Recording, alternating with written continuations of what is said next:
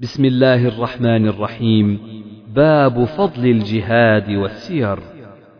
وقول الله تعالى إن الله اشترى من المؤمنين أنفسهم وأموالهم بأن لهم الجنة يقاتلون في سبيل الله فيقتلون ويقتلون.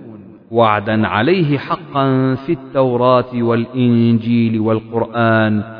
ومن أوفى بعهده من الله فاستبشروا ببيعكم الذي بايعتم به إلى قوله وبشر المؤمنين.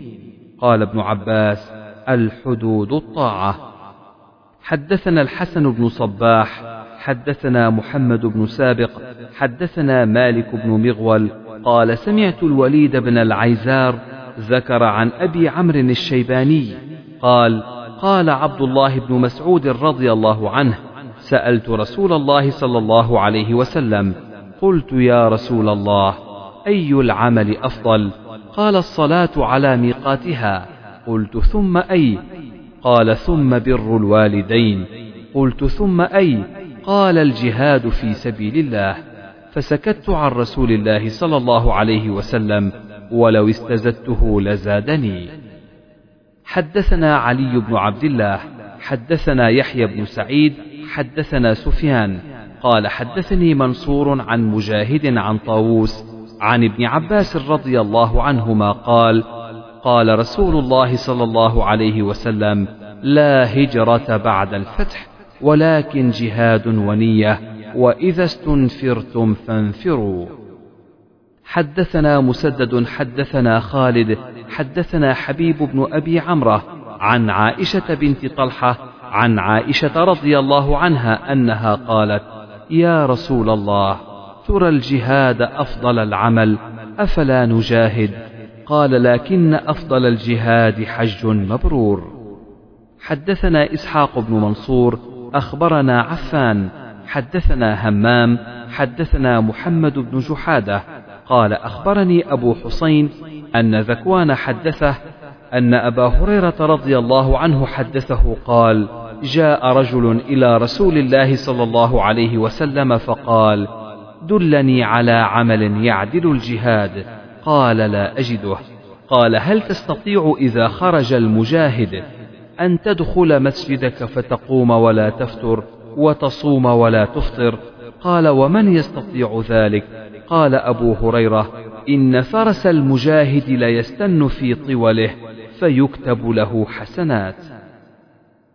باب أفضل الناس مؤمن يجاهد بنفسه وماله في سبيل الله وقوله تعالى يا أيها الذين آمنوا هل أدلكم على تجارة تنجيكم من عذاب أليم تؤمنون بالله ورسوله وتجاهدون في سبيل الله بأموالكم وأنفسكم ذلكم خير لكم إن كنتم تعلمون. يغفر لكم ذنوبكم ويدخلكم جنات تجري من تحتها الأنهار ومساكن طيبة في جنات عدن. ذلك الفوز العظيم. حدثنا أبو اليمان أخبرنا شعيب عن الزهري قال حدثني عطاء بن يزيد الليثي أن أبا سعيد الخدري رضي الله عنه حدثه قال قيل يا رسول الله أي الناس أفضل؟ فقال رسول الله صلى الله عليه وسلم مؤمن يجاهد في سبيل الله بنفسه وماله. قالوا ثم من؟ قال مؤمن في شعب من الشعاب يتقي الله ويدع الناس من شره. حدثنا أبو اليمان أخبرنا شعيب عن الزهري قال أخبرني سعيد بن المسيب أن أبا هريرة قال سمعت رسول الله صلى الله عليه وسلم يقول مثل المجاهد في سبيل الله والله أعلم بمن يجاهد في سبيله كمثل الصائم القائم. وتوكل الله للمجاهد في سبيله بأن يتوفاه أن يدخله الجنة أو يرجعه سالما مع أجر أو غنيمة. باب الدعاء بالجهاد والشهادة للرجال والنساء. وقال عمر ارزقني شهادة في بلد رسولك. حدثنا عبد الله بن يوسف عن مالك عن إسحاق بن عبد الله بن أبي طلحة عن أنس بن مالك رضي الله عنه أنه سمعه يقول كان رسول الله صلى الله عليه وسلم يدخل على أم حرام بنت ملحان فتطعمه وكانت أم حرام تحت عبادة بن الصامت فدخل عليها رسول الله صلى الله عليه وسلم فأطعمته وجعلت تفلي رأسه فنام رسول الله صلى الله عليه وسلم ثم استيقظ وهو يضحك قالت فقلت وما يضحكك يا رسول الله؟ قال ناس من أمتي عرضوا علي غزاة في سبيل الله يركبون ثبج هذا البحر ملوكا على الأسرة أو مثل الملوك على الأسرة شك إسحاق. قالت فقلت يا رسول الله أدعو الله أن يجعلني منهم. فدعا لها رسول الله صلى الله عليه وسلم ثم وضع رأسه ثم استيقظ وهو يضحك. فقلت وما يضحكك يا رسول الله؟ قال ناس من أمتي عرضوا علي غزاة في سبيل الله كما قال في الأول. قالت فقلت يا رسول الله أدعو الله أن يجعلني منهم. قال أنت من الأولين. فركبت البحر في زمان معاوية بن أبي سفيان فصرعت عن دابتها حين خرجت من البحر فهلكت. باب درجات المجاهدين في سبيل الله. يقال هذه سبيلي وهذا سبيلي. حدثنا يحيى بن صالح حدثنا فليح عن هلال بن علي عن عطاء بن يسار عن أبي هريرة رضي الله عنه قال قال رسول الله صلى الله عليه وسلم من آمن بالله وبرسوله وأقام الصلاة وصام رمضان كان حقا على الله أن يدخله الجنة جاهد في سبيل الله أو جلس في أرضه التي ولد فيها. فقالوا يا رسول الله أفلا نبشر الناس؟ قال إن في الجنة مائه درجة أعدها الله للمجاهدين في سبيل الله ما بين الدرجتين كما بين السماء والأرض. فإذا سألتم الله فاسألوه الفردوس فإنه أوسط الجنة وأعلى الجنة. أراه فوقه عرش الرحمن ومنه تفجر أنهار الجنة. قال محمد بن فليح عن أبيه وفوقه عرش الرحمن. حدثنا موسى حدثنا جرير حدثنا أبو رجاء عن سمرة. قال النبي صلى الله عليه وسلم رأيت الليلة رجلين أتياني فصعدا بالشجرة. فأدخلاني دارا هي أحسن وأفضل لم أر قط أحسن منها. قال أما هذه الدار فدار الشهداء. باب الغدوة والروحة في سبيل الله وقاب قوس أحدكم من الجنة. حدثنا معل بن أسد حدثنا وهيب حدثنا حميد عن أنس بن مالك رضي الله عنه. عن النبي صلى الله عليه وسلم قال لغدوة في سبيل الله أو روحة خير من الدنيا وما فيها. حدثنا إبراهيم بن المنذر حدثنا محمد بن فليح قال حدثني أبي عن هلال بن علي عن عبد الرحمن بن أبي عمرة عن أبي هريرة رضي الله عنه عن النبي صلى الله عليه وسلم قال لقاب قوس في الجنة خير مما تطلع عليه الشمس وتغرب. وقال لغدوة أو روحة في سبيل الله خير مما تطلع عليه الشمس وتغرب. حدثنا قبيصة حدثنا سفيان عن أبي حازم عن سهل بن سعد رضي الله عنه عن النبي صلى الله عليه وسلم قال الروحة والغدوة في سبيل الله أفضل من الدنيا وما فيها. باب الحور العين وصفتهن. يحار فيها الطرف شديدة سواد العين شديدة بياض العين. وزوجناهم أنكحناهم. حدثنا عبد الله بن محمد حدثنا معاوية بن عمرو حدثنا أبو إسحاق عن حميد قال سمعت أنس بن مالك رضي الله عنه عن النبي صلى الله عليه وسلم قال ما من عبد يموت له عند الله خير يسره أن يرجع إلى الدنيا وأن له الدنيا وما فيها إلا الشهيد لما يرى من فضل الشهادة فإنه يسره أن يرجع إلى الدنيا فيقتل مرة أخرى. وسمعت أنس بن مالك عن النبي صلى الله عليه وسلم لروحة في سبيل الله أو غدوة خير من الدنيا وما فيها. لقاب قوس أحدكم من الجنة أو موضع قيد يعني سوطة خير من الدنيا وما فيها.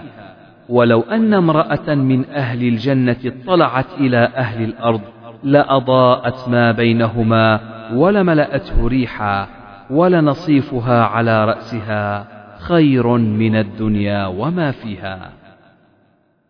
باب تمني الشهادة.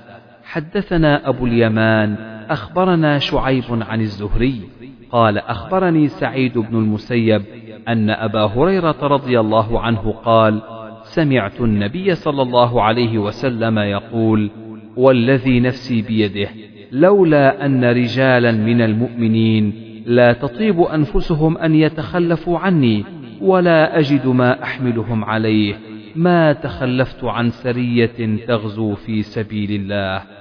والذي نفسي بيده لوددت أني أقتل في سبيل الله ثم أحيا ثم أقتل ثم أحيا ثم أقتل ثم أحيا ثم أقتل.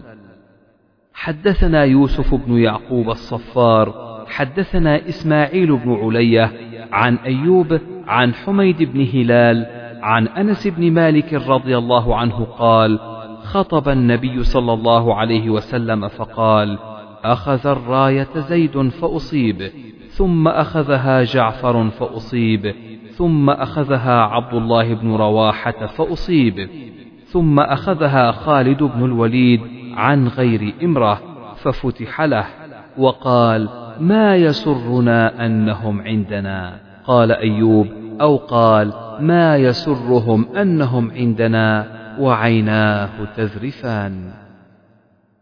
باب فضل من يصرع في سبيل الله فمات فهو منهم وقول الله تعالى ومن يخرج من بيته مهاجرا إلى الله ورسوله ثم يدركه الموت فقد وقع أجره على الله. وقع وجب. حدثنا عبد الله بن يوسف قال حدثني الليث حدثنا يحيى عن محمد بن يحيى بن حبان عن أنس بن مالك عن خالته أم حرام بنت ملحان قالت نام النبي صلى الله عليه وسلم يوما قريبا مني ثم استيقظ يتبسم. فقلت ما اضحكك قال أناس من أمتي عرضوا علي يركبون هذا البحر الأخضر كالملوك على الأسرة. قالت فادعوا الله أن يجعلني منهم فدعا لها. ثم نام الثانية ففعل مثلها. فقالت مثل قولها فأجابها مثلها. فقال تدعو الله أن يجعلني منهم. فقال أنت من الأولين. فخرجت مع زوجها عبادة بن الصامت غازيا أول ما ركب المسلمون البحر مع معاوية. فلما انصرفوا من غزوهم قافلين فنزلوا الشأم فقربت إليها دابة لتركبها فصرعتها فماتت. باب من ينكب في سبيل الله. حدثنا حفص بن عمر الحوضي، حدثنا همام عن إسحاق عن أنس رضي الله عنه قال: بعث النبي صلى الله عليه وسلم أقواما من بني سليم إلى بني عامر في سبعين فلما قدموا قال لهم خالي أتقدمكم فإن أمنوني حتى أبلغهم عن رسول الله صلى الله عليه وسلم وإلا كنتم مني قريبا. فتقدم فأمنوه فبينما يحدثهم عن النبي صلى الله عليه وسلم إذ أومأوا إلى رجل منهم فطعنه فأنفذه فقال الله أكبر فزت ورب الكعبة. ثم مالوا على بقية أصحابه فقتلوهم إلا رجل أعرج صعد الجبل. قال همام فأراه آخر معه. فأخبر جبريل عليه السلام النبي صلى الله عليه وسلم أنهم قد لقوا ربهم فرضي عنهم وأرضاهم. فكنا نقرأ أن بلغوا قومنا أن قد لقينا ربنا فرضي عنا وأرضانا. ثم نسخ بعد. فدعا عليهم أربعين صباحا على رعل وذكوان وبني لحيان وبني عصية الذين عصوا الله ورسوله صلى الله عليه وسلم. حدثنا موسى بن إسماعيل حدثنا أبو عوانة عن الأسود بن قيس عن جندب بن سفيان أن رسول الله صلى الله عليه وسلم كان في بعض المشاهد وقد دميت إصبعه فقال هل أنت إلا إصبع دميت وفي سبيل الله ما لقيت؟ باب من يجرح في سبيل الله عز وجل. حدثنا عبد الله بن يوسف أخبرنا مالك عن أبي الزناد عن الأعرج عن أبي هريرة رضي الله عنه أن رسول الله صلى الله عليه وسلم قال والذي نفسي بيده لا يكلم أحد في سبيل الله والله أعلم بمن يكلم في سبيله إلا جاء يوم القيامة واللون لون الدم والريح ريح المسك. باب قول الله تعالى هل تربصون بنا إلا إحدى الحسنيين والحرب سجال. حدثنا يحيى بن بكير حدثنا الليث قال حدثني يونس عن ابن شهاب عن عبيد الله بن عبد الله أن عبد الله بن عباس أخبره أن أبا سفيان أخبره أن هرقل قال له سألتك كيف كان قتالكم إياه؟ فزعمت أن الحرب سجال ودول فكذلك الرسل تبتلى ثم تكون لهم العاقبة. باب قول الله تعالى من المؤمنين رجال صدقوا ما عاهدوا الله عليه فمنهم من قضى نحبه ومنهم من ينتظر وما بدلوا تبديلا. حدثنا محمد بن سعيد الخزاعي حدثنا عبد الأعلى عن حميد قال سألت أنسا. حدثنا عمرو بن زرارة حدثنا زياد قال حدثني حميد الطويل عن أنس رضي الله عنه قال غاب عمي أنس بن النضر عن قتال بدر. فقال يا رسول الله غبت عن أول قتال قاتلت المشركين. لئن الله أشهدني قتال المشركين ليرين الله ما أصنع. فلما كان يوم أحد وانكشف المسلمون قال اللهم إني أعتذر إليك مما صنع هؤلاء يعني أصحابه وأبرأ إليك مما صنع هؤلاء يعني المشركين. ثم تقدم فاستقبله سعد بن معاذ فقال يا سعد بن معاذ الجنة ورب النضر إني أجد ريحها من دون أحد قال سعد فما استطعت يا رسول الله ما صنع قال أنس فوجدناه به بضعا وثمانين ضربة بالسيف أو طعنة برمح أو رمية بسهم ووجدناه قد قتل وقد مثل به المشركون فما عرفه أحد إلا أخته ببنانه. وقال أنس كنا نرى أو نظن أن هذه الآية نزلت فيه وفي أشباهه من المؤمنين. رجال صدقوا ما عاهدوا الله عليه إلى آخر الآية.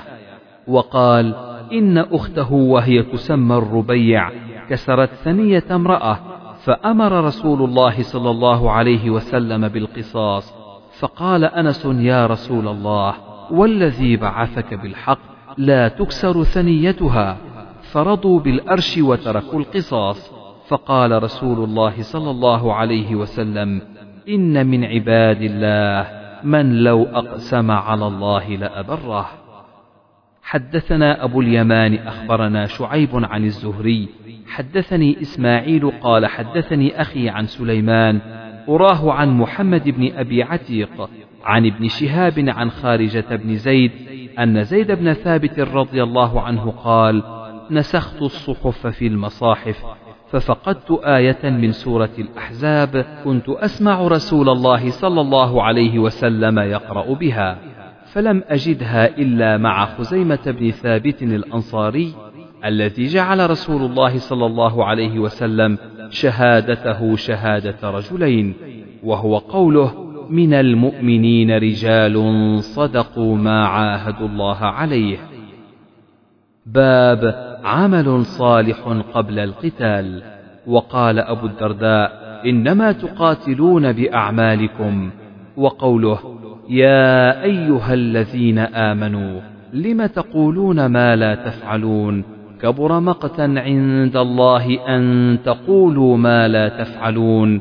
إن الله يحب الذين يقاتلون في سبيله صفا كأنهم بنيان مرصوص. حدثنا محمد بن عبد الرحيم حدثنا شبابة بن سوار الفزاري حدثنا إسرائيل عن أبي إسحاق قال سمعت البراء رضي الله عنه يقول أتى النبي صلى الله عليه وسلم رجل مقنع بالحديد فقال يا رسول الله أقاتل وأسلم. قال أسلم ثم قاتل. فأسلم ثم قاتل فقتل. فقال رسول الله صلى الله عليه وسلم عمل قليلا وأجر كثيرا. باب من أتاه سهم غرب فقتله. حدثنا محمد بن عبد الله حدثنا حسين بن محمد أبو أحمد حدثنا شيبان عن قتادة حدثنا أنس بن مالك أن أم الربيع بنت البراء وهي أم حارثة بن سراقة أتت النبي صلى الله عليه وسلم فقالت يا نبي الله ألا تحدثني عن حارثة؟ وكان قتل يوم بدر أصابه سهم غرب فإن كان في الجنة صبرت وإن كان غير ذلك اجتهدت عليه في البكاء. قال يا أم حارثة إنها جنان في الجنة وإن ابنك أصاب الفردوس الأعلى. بسم الله الرحمن الرحيم. باب من قاتل لتكون كلمة الله هي العليا. حدثنا سليمان بن حرب حدثنا شعبة عن عمرو عن أبي وائل عن أبي موسى رضي الله عنه قال جاء رجل إلى النبي صلى الله عليه وسلم فقال الرجل يقاتل للمغنم والرجل يقاتل للذكر والرجل يقاتل ليرى مكانه فمن في سبيل الله؟ قال من قاتل لتكون كلمة الله هي العليا فهو في سبيل الله. باب من اغبرت قدماه في سبيل الله وقول الله تعالى ما كان لأهل المدينة إلى قوله إن الله لا يضيع أجر المحسنين. حدثنا إسحاق أخبرنا محمد بن المبارك حدثنا يحيى بن حمزة قال حدثني يزيد بن أبي مريم أخبرنا عباية بن رافع بن خديج قال أخبرني أبو عبس هو عبد الرحمن بن جبر أن رسول الله صلى الله عليه وسلم قال ما اغبرت قدما عبد في سبيل الله فتمسه النار. باب مسح الغبار عن الناس في السبيل. حدثنا إبراهيم بن موسى أخبرنا عبد الوهاب حدثنا خالد عن عكرمة أن ابن عباس قال له ولعلي بن عبد الله ائتيا أبا سعيد فاسمعا من حديثه فأتيناه وهو وأخوه في حائط لهما يسقيانه فلما رآنا جاء فاحتبى وجلس فقال كنا ننقل لبن المسجد لبنة لبنة وكان عمار ينقل لبنتين لبنتين فمر به النبي صلى الله عليه وسلم ومسح عن رأسه الغبار وقال ويح عمار تقتله الفئة الباغية عمار يدعوهم إلى الله ويدعونه إلى النار. باب الغسل بعد الحرب والغبار. حدثنا محمد أخبرنا عبده عن هشام بن عروة عن أبيه عن عائشة رضي الله عنها أن رسول الله صلى الله عليه وسلم لما رجع يوم الخندق ووضع السلاح واغتسل فأتاه جبريل وقد عصب رأسه الغبار فقال وضعت السلاح فوالله ما وضعته. فقال رسول الله صلى الله عليه وسلم فأين؟ قال ها هنا. وأومأ إلى بني قريظة. قالت فخرج إليهم رسول الله صلى الله عليه وسلم. باب فضل قول الله تعالى ولا تحسبن الذين قتلوا في سبيل الله أمواتا بل أحياء عند ربهم يرزقون. فرحين بما اتاهم الله من فضله ويستبشرون بالذين لم يلحقوا بهم من خلفهم الا خوف عليهم ولا هم يحزنون يستبشرون بنعمه من الله وفضل وأن الله لا يضيع أجر المؤمنين. حدثنا إسماعيل بن عبد الله قال حدثني مالك عن إسحاق بن عبد الله بن أبي طلحة عن أنس بن مالك رضي الله عنه قال: دعا رسول الله صلى الله عليه وسلم على الذين قتلوا أصحاب بئر معونة ثلاثين غداة على رعل وذكوان وعصية عصت الله ورسوله قال أنس أنزل في الذين قتلوا ببئر معونة قرآن قرأناه ثم نسخ بعد بلغوا قومنا أن قد لقينا ربنا فرضي عنا ورضينا عنه. حدثنا علي بن عبد الله حدثنا سفيان عن عمرو سمع جابر بن عبد الله رضي الله عنهما يقول اصطبح ناس الخمر يوم أحد ثم قتلوا شهداء فقيل لسفيان من آخر ذلك اليوم قال ليس هذا فيه. باب ظل الملائكة على الشهيد. حدثنا صدقة بن الفضل قال أخبرنا ابن عيينة قال سمعت محمد بن المنكدر أنه سمع جابرا يقول جيء بأبي إلى النبي صلى الله عليه وسلم وقد مثل به ووضع بين يديه فذهبت أكشف عن وجهه فنهاني قومي فسمع صوت صائحة فقيل ابنة عمرو أو أخت عمرو فقال لم تبكي أو لا تبكي؟ ما زالت الملائكة تظله بأجنحتها. قلت لصدقة أفيه حتى رفع؟ قال ربما قاله. باب تمني المجاهد أن يرجع إلى الدنيا. حدثنا محمد بن بشار حدثنا غندر حدثنا شعبة. قال سمعت قتادة. قال سمعت أنس بن مالك رضي الله عنه عن النبي صلى الله عليه وسلم قال ما أحد يدخل الجنة يحب أن يرجع إلى الدنيا وله ما على الأرض من شيء إلا الشهيد يتمنى أن يرجع إلى الدنيا فيقتل عشر مرات لما يرى من الكرامة. باب الجنة تحت بارقة السيوف. وقال المغيرة بن شعبة أخبرنا نبينا صلى الله عليه وسلم عن رسالة ربنا من قتل منا صار إلى الجنة.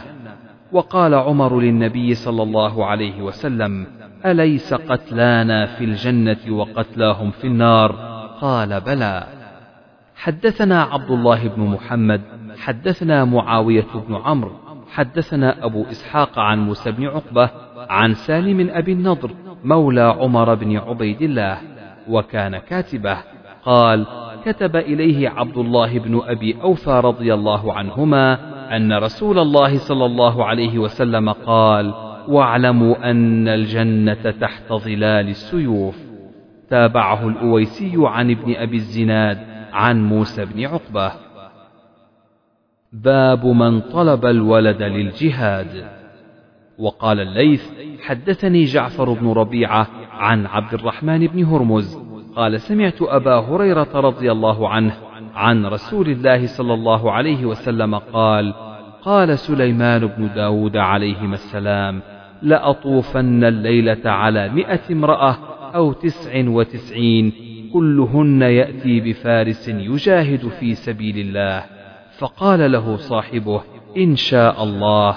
فلم يقل إن شاء الله فلم يحمل منهن إلا امرأة واحدة. جاءت بشق رجل والذي نفس محمد بيده لو قال إن شاء الله لجاهدوا في سبيل الله فرسانا أجمعون. باب الشجاعة في الحرب والجبن. حدثنا أحمد بن عبد الملك بن واقد حدثنا حماد بن زيد عن ثابت عن أنس رضي الله عنه قال كان النبي صلى الله عليه وسلم أحسن الناس وأشجع الناس وأجود الناس ولقد فزع أهل المدينة فكان النبي صلى الله عليه وسلم سبقهم على فرس وقال وجدناه بحرا. حدثنا أبو اليمان أخبرنا شعيب عن الزهري قال أخبرني عمر بن محمد بن جبير بن مطعم أن محمد بن جبير قال أخبرني جبير بن مطعم أنه بينما هو يسير مع رسول الله صلى الله عليه وسلم ومعه الناس مقفله من حنين فعلقه الناس يسألونه حتى اضطروه إلى سمرة فخطفت رداءه فوقف النبي صلى الله عليه وسلم فقال أعطوني ردائي لو كان لي عدد هذه العطاه نعما لقسمته بينكم ثم لا تجدوني بخيلا ولا كذوبا ولا جبانا. باب ما يتعوذ من الجبن. حدثنا موسى بن إسماعيل حدثنا أبو عوانة حدثنا عبد الملك بن عمير. سمعت عمرو بن ميمون الأودي قال كان سعد يعلم بنيه هؤلاء الكلمات كما يعلم المعلم الغلمان الكتابة. ويقول إن رسول الله صلى الله عليه وسلم كان يتعوذ منهن دبر الصلاة. اللهم إني أعوذ بك من الجبن وأعوذ بك أن أرد إلى أرذل العمر وأعوذ بك من فتنة الدنيا وأعوذ بك من عذاب القبر. فحدثت به مصعبا فصدقه. حدثنا مسدد حدثنا معتمر قال سمعت أبي قال سمعت أنس بن مالك رضي الله عنه قال كان النبي صلى الله عليه وسلم يقول اللهم إني أعوذ بك من العجز والكسل والجبن والهرم وأعوذ بك من فتنة المحيا والممات وأعوذ بك من عذاب القبر.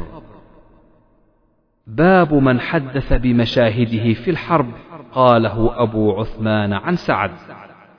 حدثنا قتيبة بن سعيد حدثنا حاتم عن محمد بن يوسف عن السائب بن يزيد قال صحبت طلحة بن عبيد الله وسعدا والمقداد بن الأسود وعبد الرحمن بن عوف رضي الله عنهم فما سمعت أحدا منهم يحدث عن رسول الله صلى الله عليه وسلم إلا أني سمعت طلحة يحدث عن يوم أحد. باب وجوب النفير. وما يجب من الجهاد والنية وقوله انفروا خفافا وثقالا وجاهدوا بأموالكم وأنفسكم في سبيل الله ذلكم خير لكم إن كنتم تعلمون.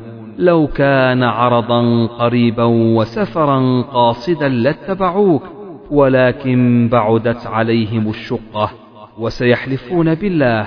الآية وقوله يا أيها الذين آمنوا ما لكم إذا قيل لكم انفروا في سبيل الله اثاقلتم إلى الأرض أرضيتم بالحياة الدنيا من الآخرة؟ إلى قوله على كل شيء قدير. يذكر عن ابن عباس انفروا ثبات سرايا متفرقين. يقال أحد الثبات ثبه. حدثنا عمرو بن علي حدثنا يحيى حدثنا سفيان قال حدثني منصور عن مجاهد عن طاووس عن ابن عباس رضي الله عنهما أن النبي صلى الله عليه وسلم قال يوم الفتح لا هجرة بعد الفتح ولكن جهاد ونية وإذا استنفرتم فانفروا. باب الكافر يقتل المسلم ثم يسلم فيسدد بعد ويقتل. حدثنا عبد الله بن يوسف أخبرنا مالك عن أبي الزناد عن الأعرج عن أبي هريرة رضي الله عنه أن رسول الله صلى الله عليه وسلم قال: يضحك الله إلى رجلين يقتل أحدهما الآخر يدخلان الجنة. يقاتل هذا في سبيل الله فيقتل، ثم يتوب الله على القاتل فيستشهد. حدثنا الحميدي، حدثنا سفيان، حدثنا الزهري قال أخبرني عنبسة بن سعيد عن أبي هريرة رضي الله عنه قال أتيت رسول الله صلى الله عليه وسلم وهو بخيبر بعدما افتتحوها فقلت يا رسول الله أسهم لي. فقال بعض بني سعد بن العاص لا تسهم له يا رسول الله. فقال أبو هريرة هذا قاتل بن قوقل. فقال ابن سعيد بن العاص وعجبا لوبر تدلى علينا من قدوم ضأن ينعى علي قتل رجل مسلم أكرمه الله على يدي ولم يهني على يديه. قال فلا أدري أسهم له أم لم يسهم له.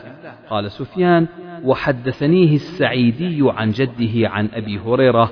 قال أبو عبد الله السعيدي عمرو بن يحيى بن سعيد بن عمرو بن سعيد بن العاص. باب من اختار الغزو على الصوم. حدثنا آدم حدثنا شعبة حدثنا ثابت البناني قال سمعت أنس بن مالك رضي الله عنه قال كان أبو طلحة لا يصوم على عهد النبي صلى الله عليه وسلم من أجل الغزو. فلما قبض النبي صلى الله عليه وسلم لم أره مفطرا إلا يوم فطر أو أضحى.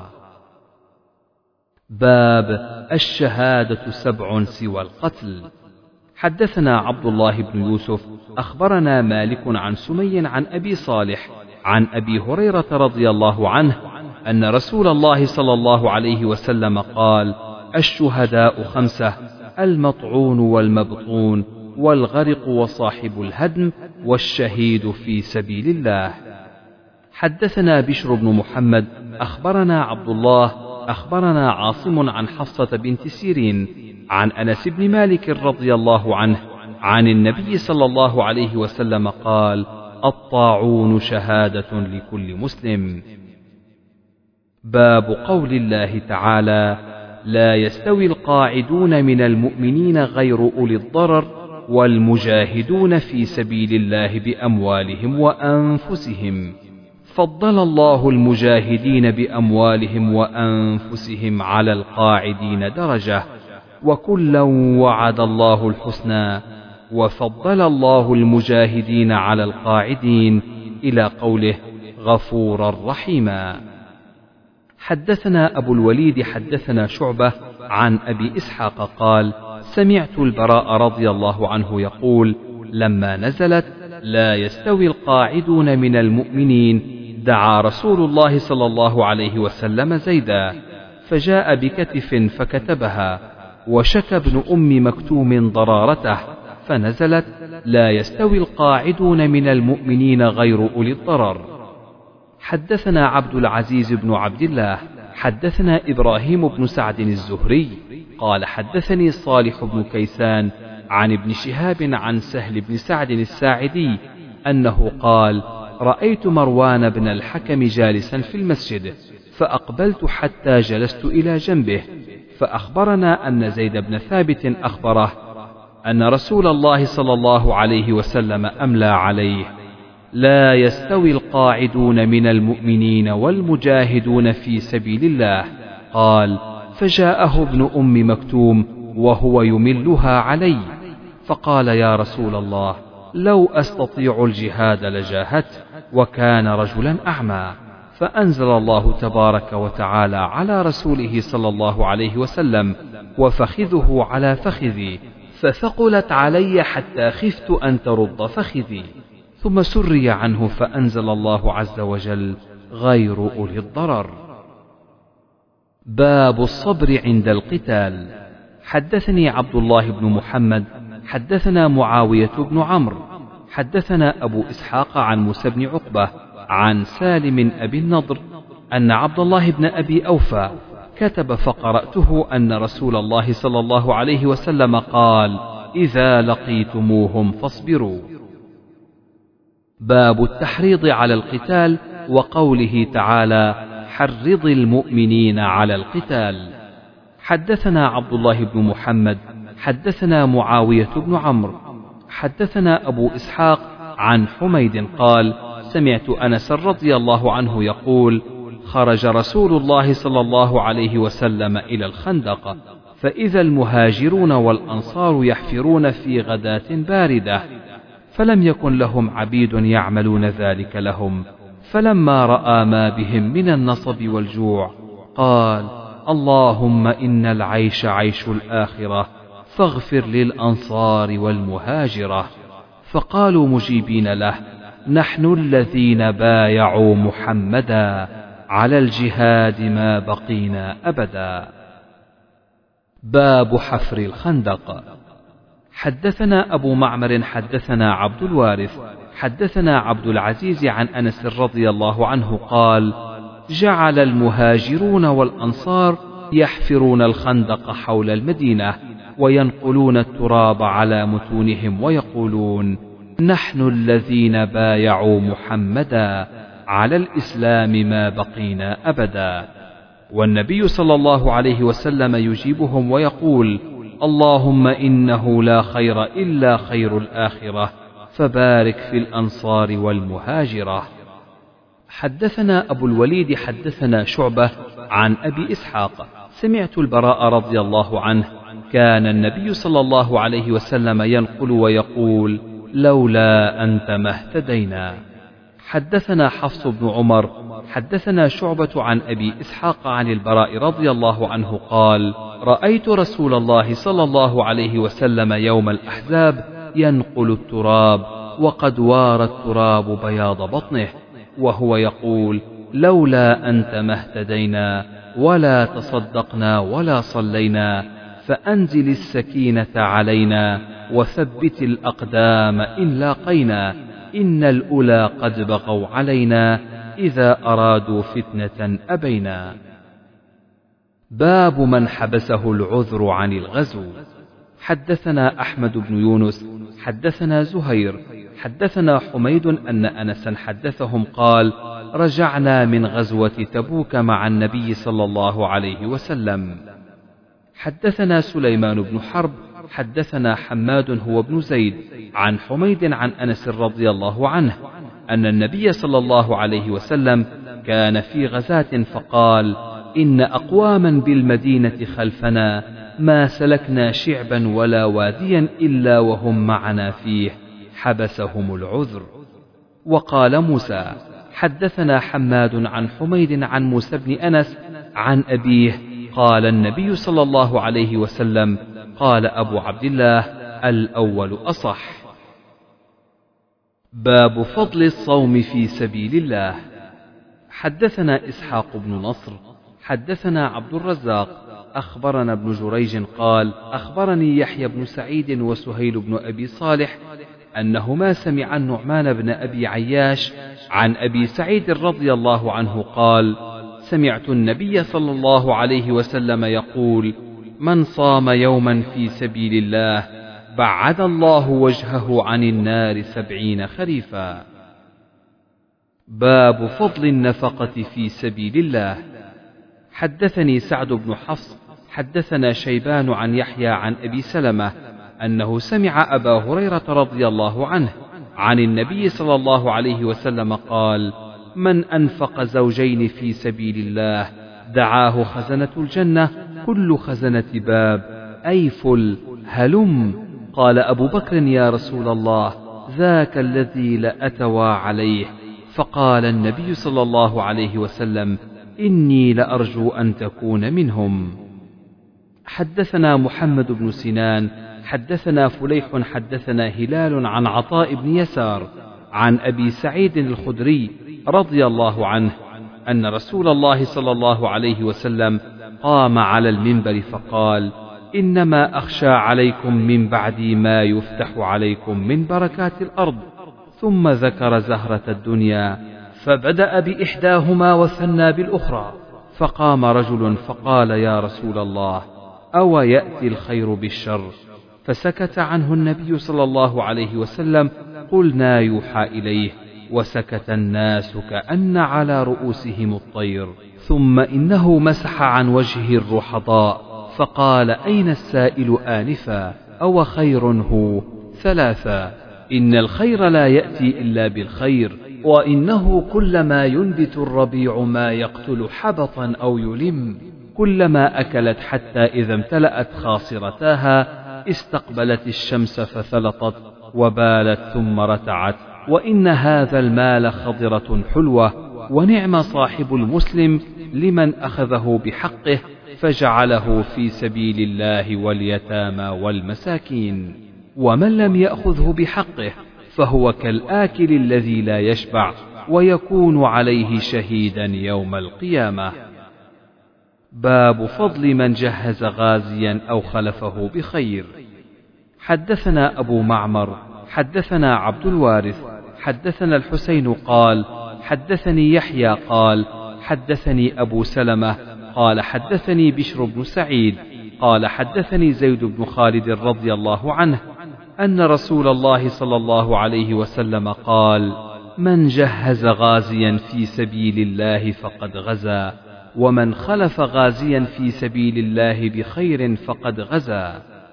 حدثنا موسى حدثنا همام عن إسحاق بن عبد الله عن أنس رضي الله عنه أن النبي صلى الله عليه وسلم لم يكن يدخل بيتا بالمدينة غير بيت أم سليم إلا على أزواجه فقيل له فقال إني أرحمها قتل أخوها معي. باب التحنط عند القتال.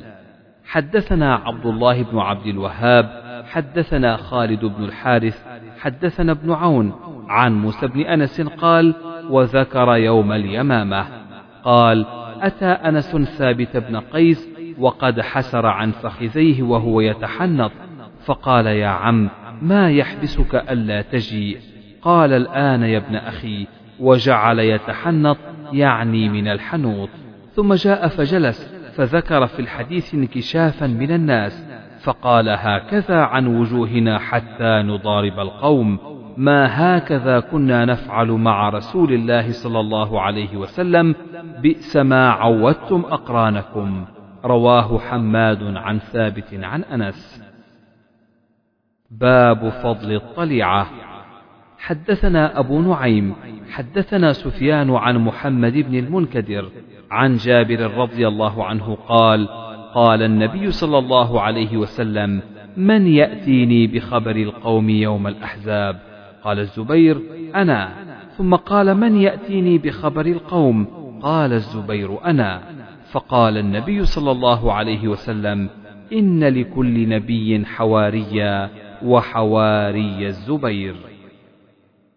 باب هل يبعث الطليعة وحده؟ حدثنا صدقة أخبرنا ابن عيينة حدثنا ابن المنكدر سمع جابر بن عبد الله رضي الله عنهما قال ندب النبي صلى الله عليه وسلم الناس قال صدقة أظنه يوم الخندق. فانتدب الزبير ثم ندب فانتدب الزبير ثم ندب الناس فانتدب الزبير فقال النبي صلى الله عليه وسلم إن لكل نبي حواريا وإن حواري الزبير بن العوام. باب سفر الاثنين. حدثنا أحمد بن يونس حدثنا أبو شهاب عن خالد الحذاء عن أبي قلابة عن مالك بن الحويرث. قال انصرفت من عند النبي صلى الله عليه وسلم فقال لنا أنا وصاحب لي الزنا وأقيما. وليؤمكما أكبركما. باب الخيل معقود في نواصيها الخير إلى يوم القيامة. حدثنا عبد الله بن مسلمة حدثنا مالك عن نافع عن عبد الله بن عمر رضي الله عنهما قال قال رسول الله صلى الله عليه وسلم الخيل في نواصيها الخير إلى يوم القيامة. حدثنا حفص بن عمر حدثنا شعبة عن حسين وابن أبي السفر عن الشعبي عن عروة بن الجعد عن النبي صلى الله عليه وسلم قال الخيل معقود في نواصيها الخير إلى يوم القيامة. قال سليمان عن شعبة عن عروة بن أبي الجعد. تابعه مسدد عن هشيم عن حسين عن الشعبي عن عروة بن أبي الجعد. حدثنا مسدد حدثنا يحيى عن شعبة عن أبي التياح عن أنس بن مالك رضي الله عنه قال قال رسول الله صلى الله عليه وسلم البركة في نواصي الخيل. باب الجهاد ماض مع البر والفاجر لقول النبي صلى الله عليه وسلم الخيل معقود في نواصيها الخير إلى يوم القيامة. حدثنا أبو نعيم حدثنا زكرياء عن عامر حدثنا عروة البارقي أن النبي صلى الله عليه وسلم قال الخيل معقود في نواصيها الخير إلى يوم القيامة الأجر والمغنم. باب من احتبس فرسا لقوله تعالى ومن رباط الخيل. حدثنا علي بن حفص حدثنا ابن المبارك أخبرنا طلحة بن أبي سعيد قال سمعت سعيدا المقبوري يحدث أنه سمع أبا هريرة رضي الله عنه يقول قال النبي صلى الله عليه وسلم من احتبس فرسا في سبيل الله إيمانا بالله وتصديقا بوعده فإن شبعه وريه وروثه وبوله في ميزانه يوم القيامة. باب اسم الفرس والحمار.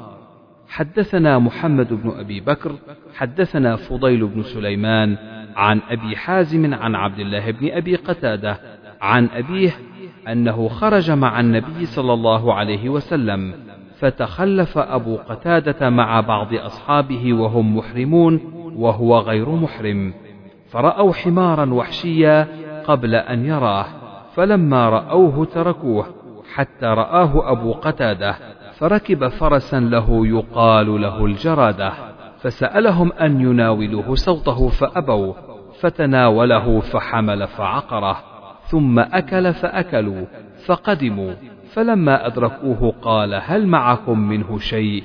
قال معنا رجله فأخذها النبي صلى الله عليه وسلم فأكلها. حدثنا علي بن عبد الله بن جعفر حدثنا معن بن عيسى حدثنا أبي بن عباس بن سهل عن أبيه عن جده قال كان للنبي صلى الله عليه وسلم في حائطنا فرس يقال له اللحيف حدثني إسحاق بن إبراهيم سمع يحيى بن آدم حدثنا أبو الأحوص عن أبي إسحاق عن عمرو بن ميمون عن معاذ رضي الله عنه قال كنت ردف النبي صلى الله عليه وسلم على حمار يقال له عفير فقال يا معاذ هل تدري حق الله على عباده؟ وما حق العباد على الله؟ قلت الله ورسوله أعلم. قال فإن حق الله على العباد أن يعبدوه ولا يشركوا به شيئا. وحق العباد على الله الا يعذب من لا يشرك به شيئا. فقلت يا رسول الله أفلا أبشر به الناس؟ قال لا تبشرهم فيتكلوا. حدثنا محمد بن بشار حدثنا غندر حدثنا شعبة.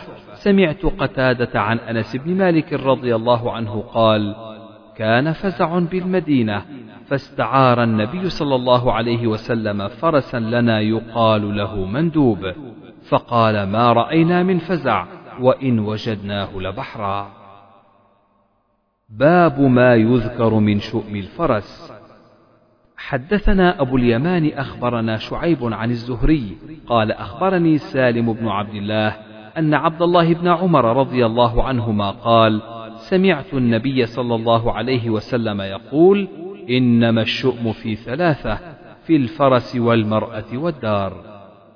حدثنا عبد الله بن مسلمة عن مالك عن أبي حازم بن دينار عن سهل بن سعد الساعدي رضي الله عنه أن رسول الله صلى الله عليه وسلم قال: إن كان في شيء ففي المرأة والفرس والمسكن. باب الخيل لثلاثة وقوله تعالى: والخيل والبغال والحمير لتركبوها وزينة. حدثنا عبد الله بن مسلمة عن مالك عن زيد بن أسلم عن أبي صالح السمان عن أبي هريرة رضي الله عنه أن رسول الله صلى الله عليه وسلم قال: الخيل لثلاثة لرجل أجر ولرجل ستر وعلى رجل وزر. فأما الذي له أجر فرجل ربطها في سبيل الله فأطال في مرج أو روضة فما أصابت في طيلها ذلك من المرج أو الروضة كانت له حسنات. ولو أنها قطعت طيلها فاستنت شرفا أو شرفين كانت أرواثها وآثارها حسنات له. ولو أنها مرت بنهر فشربت منه ولم يرد أن يسقيها كان ذلك حسنات له. ورجل ربطها فخرا ورئاء ونواء لأهل الإسلام فهي وزر على ذلك. وسئل رسول الله صلى الله عليه وسلم عن الحمر فقال ما أنزل علي فيها إلا هذه الآية الجامعة الفاذة فمن يعمل مثقال ذرة خيرا يره ومن يعمل مثقال ذرة شرا يره. باب من ضرب دابة غيره في الغزو. حدثنا مسلم حدثنا أبو عقيل حدثنا أبو المتوكل الناجي قال أتيت جابر بن عبد الله الأنصاري فقلت له حدثني بما سمعت من رسول الله صلى الله عليه وسلم قال سافرت معه في بعض أسفاره قال أبو عقيل لا أدري غزوة أو عمرة فلما أن أقبلنا قال النبي صلى الله عليه وسلم من أحب أن يتعجل إلى أهله فليعجل قال جابر فأقبلنا وأنا على جمل لي أرمك ليس فيه شية والناس خلفي. فبين أنا كذلك إذ قام علي فقال للنبي صلى الله عليه وسلم يا جابر استمسك. فضربه بصوته ضربة فوثب البعير مكانه. فقال أتبيع الجمل؟ قلت نعم. فلما قدمنا المدينة ودخل النبي صلى الله عليه وسلم المسجد في طوائف أصحابه فدخلت إليه وعقلت الجمل في ناحية البلاط فقلت له هذا جملك؟ فخرج فجعل يطيف بالجمل ويقول الجمل جملنا. فبعث النبي صلى الله عليه وسلم أواق من ذهب فقال أعطوها جابرا. ثم قال استوفيت الثمن؟ قلت نعم. قال الثمن والجمل لك. باب الركوب على الدابة الصعبة والفحولة من الخيل. وقال راشد بن سعد كان السلف يستحبون الفحولة لأنها أجرى وأجزر. حدثنا أحمد بن محمد أخبرنا عبد الله أخبرنا شعبة عن قتادة. سمعت أنس بن مالك رضي الله عنه قال كان بالمدينة فزع. فاستعار النبي صلى الله عليه وسلم فرسا لأبي طلحة يقال له مندوب. فركب وقال ما رأينا من فزع وإن وجدناه لبحرا. باب سهام الفرس. حدثنا عبيد بن إسماعيل عن أبي أسامة عن عبيد الله عن نافع عن ابن عمر رضي الله عنهما أن رسول الله صلى الله عليه وسلم جعل للفرس سهمين ولصاحبه سهما. وقال مالك يسهم للخيل والبراذين منها لقوله والخيل والبغال والحمير لتركبوها ولا يسهم لأكثر من فرس. باب من قاد دابة غيره في الحرب. حدثنا قتيبة حدثنا سهل بن يوسف عن شعبة عن أبي إسحاق قال رجل للبراء بن عازب رضي الله عنهما أفررتم عن رسول الله صلى الله عليه وسلم يوم حنين؟ قال لكن رسول الله صلى الله عليه وسلم لم يفر. إن هوازن كانوا قوما رماه وإنا لما لقيناهم حملنا عليهم فانهزموا فأقبل المسلمون على الغنائم واستقبلونا بالسهام. فأما رسول الله صلى الله عليه وسلم فلم يفر. فلقد رأيته وإنه لعلى بغلته البيضاء وإن أبا سفيان آخذ بلجامها والنبي صلى الله عليه وسلم يقول أنا النبي لا كذب أنا ابن عبد المطلب. باب الركاب والغرز للدابة. حدثني عبيد بن إسماعيل عن أبي أسامة عن عبيد الله عن نافع عن ابن عمر رضي الله عنهما عن النبي صلى الله عليه وسلم أنه كان إذا أدخل رجله في الغرز واستوت به ناقته قائمة أهل من عند مسجد ذي الحليفة. باب ركوب الفرس العري. حدثنا عمرو بن عون حدثنا حماد عن ثابت عن أنس رضي الله عنه استقبلهم النبي صلى الله عليه وسلم على فرس عري ما عليه سرج في عنقه سيف. باب الفرس القطوف. حدثنا عبد الأعلى بن حماد حدثنا يزيد بن زريع حدثنا سعيد عن قتادة عن أنس بن مالك رضي الله عنه أن أهل المدينة فزعوا مرة فركب النبي صلى الله عليه وسلم فرسا لأبي طلحة كان يقطف أو كان فيه قطاف. فلما رجع قال وجدنا فرسكم هذا بحرا. فكان بعد ذلك لا يجارى. باب السبق بين الخيل. حدثنا قبيصة حدثنا سفيان عن عبيد الله عن نافع عن ابن عمر رضي الله عنهما قال أجرى النبي صلى الله عليه وسلم ما ضمر من الخيل من الحفياء إلى ثنية الوداع وأجرى ما لم يضمر من الثنية إلى مسجد بني زريق. قال ابن عمر وكنت في من أجرى. قال عبد الله حدثنا سفيان قال حدثني عبيد الله. قال سفيان بين الحفياء إلى ثنية الوداع خمسة أميال أو ستة وبين الثنية إلى مسجد بني زريق ميل باب إضمار الخيل للسبق. حدثنا أحمد بن يونس حدثنا الليث عن نافع عن عبد الله رضي الله عنه أن النبي صلى الله عليه وسلم سابق بين الخيل التي لم تضمر وكان أمدها من الثنية إلى مسجد بني زريق وأن عبد الله بن عمر كان سابق بها. باب غاية السبق للخيل المضمرة حدثنا عبد الله بن محمد حدثنا معاوية حدثنا أبو إسحاق عن موسى بن عقبة عن نافع عن ابن عمر رضي الله عنهما قال سابق رسول الله صلى الله عليه وسلم بين الخيل التي قد أضمرت فأرسلها من الحفياء وكان أمدها ثنية الوداع. فقلت لموسى فكم كان بين ذلك؟ قال ستة أميال أو سبعة. وسابق بين الخيل التي لم تضمر فأرسلها من ثنية الوداع. وكان أمدها مسجد بني زريق. قلت فكم بين ذلك؟ قال ميل أو نحوه. وكان ابن عمر ممن سابق فيها. باب ناقة النبي صلى الله عليه وسلم.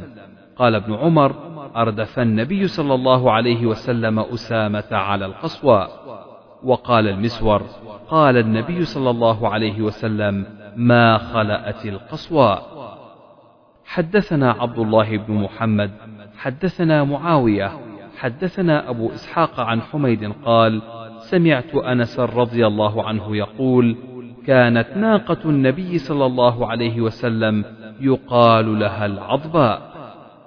حدثنا مالك بن إسماعيل حدثنا زهير عن حميد عن أنس رضي الله عنه قال كان للنبي صلى الله عليه وسلم ناقة تسمى العضاء لا تسبق. قال حميد أو لا تكاد تسبق. فجاء أعرابي على قعود فسبقها فشق ذلك على المسلمين حتى عرفه. فقال حق على الله ألا يرتفع شيء من الدنيا إلا وضعه. طوله موسى عن حماد عن ثابت عن أنس عن النبي صلى الله عليه وسلم.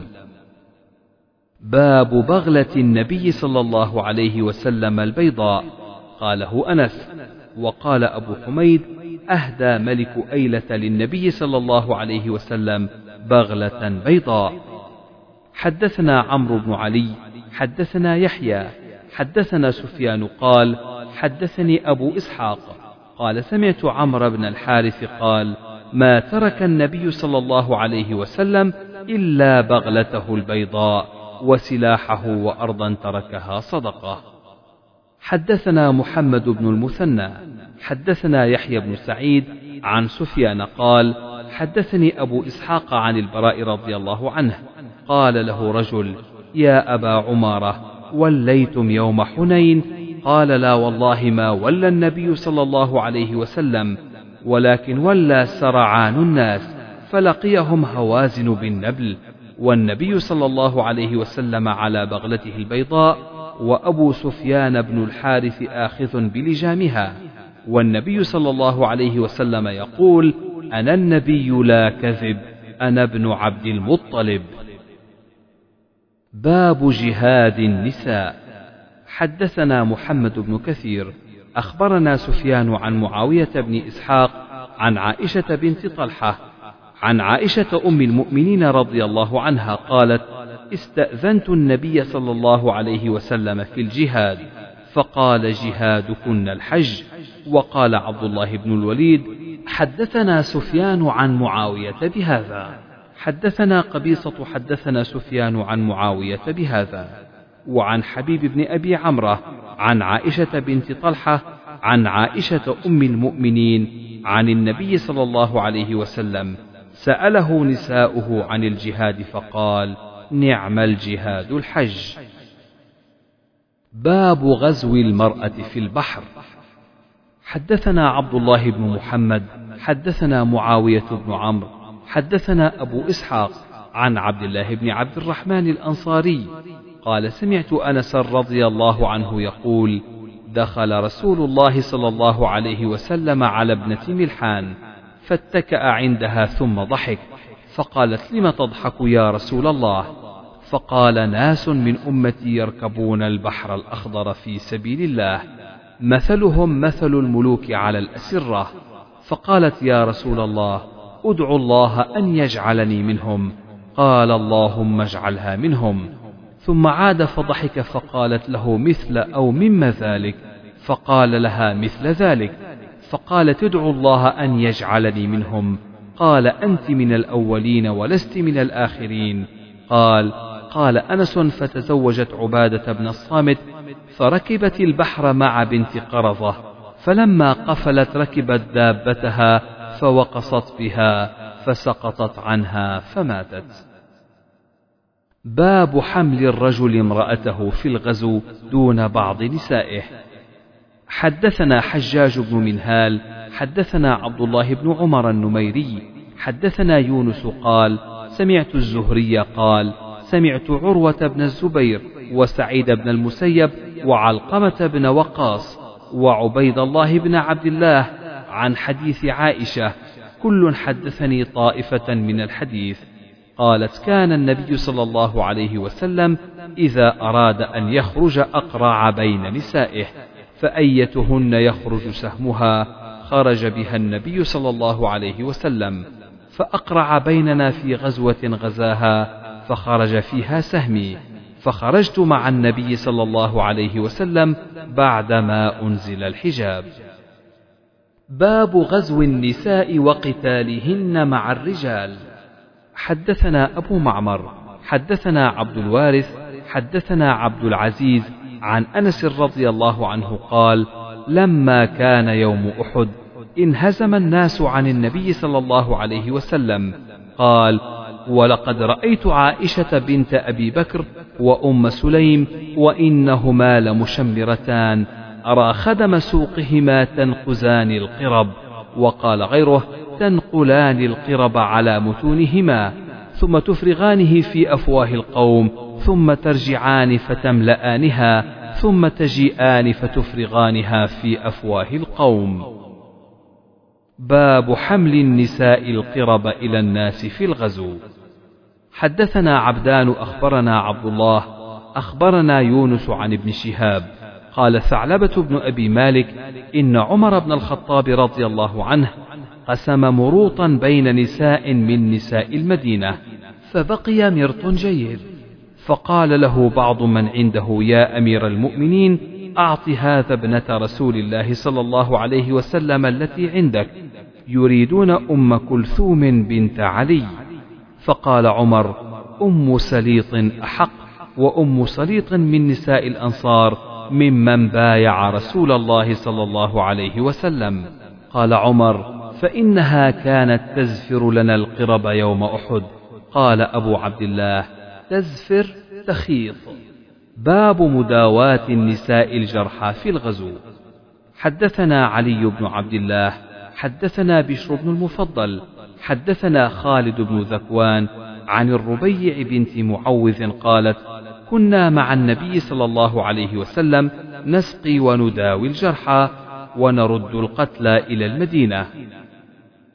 باب رد النساء الجرحى والقتلى. حدثنا مسدد حدثنا بشر بن المفضل عن خالد بن ذكوان عن الربيع بنت معوذ قالت كنا نغزو مع النبي صلى الله عليه وسلم فنسقي القوم ونخدمهم ونرد الجرحى والقتلى إلى المدينة. باب نزع السهم من البدن.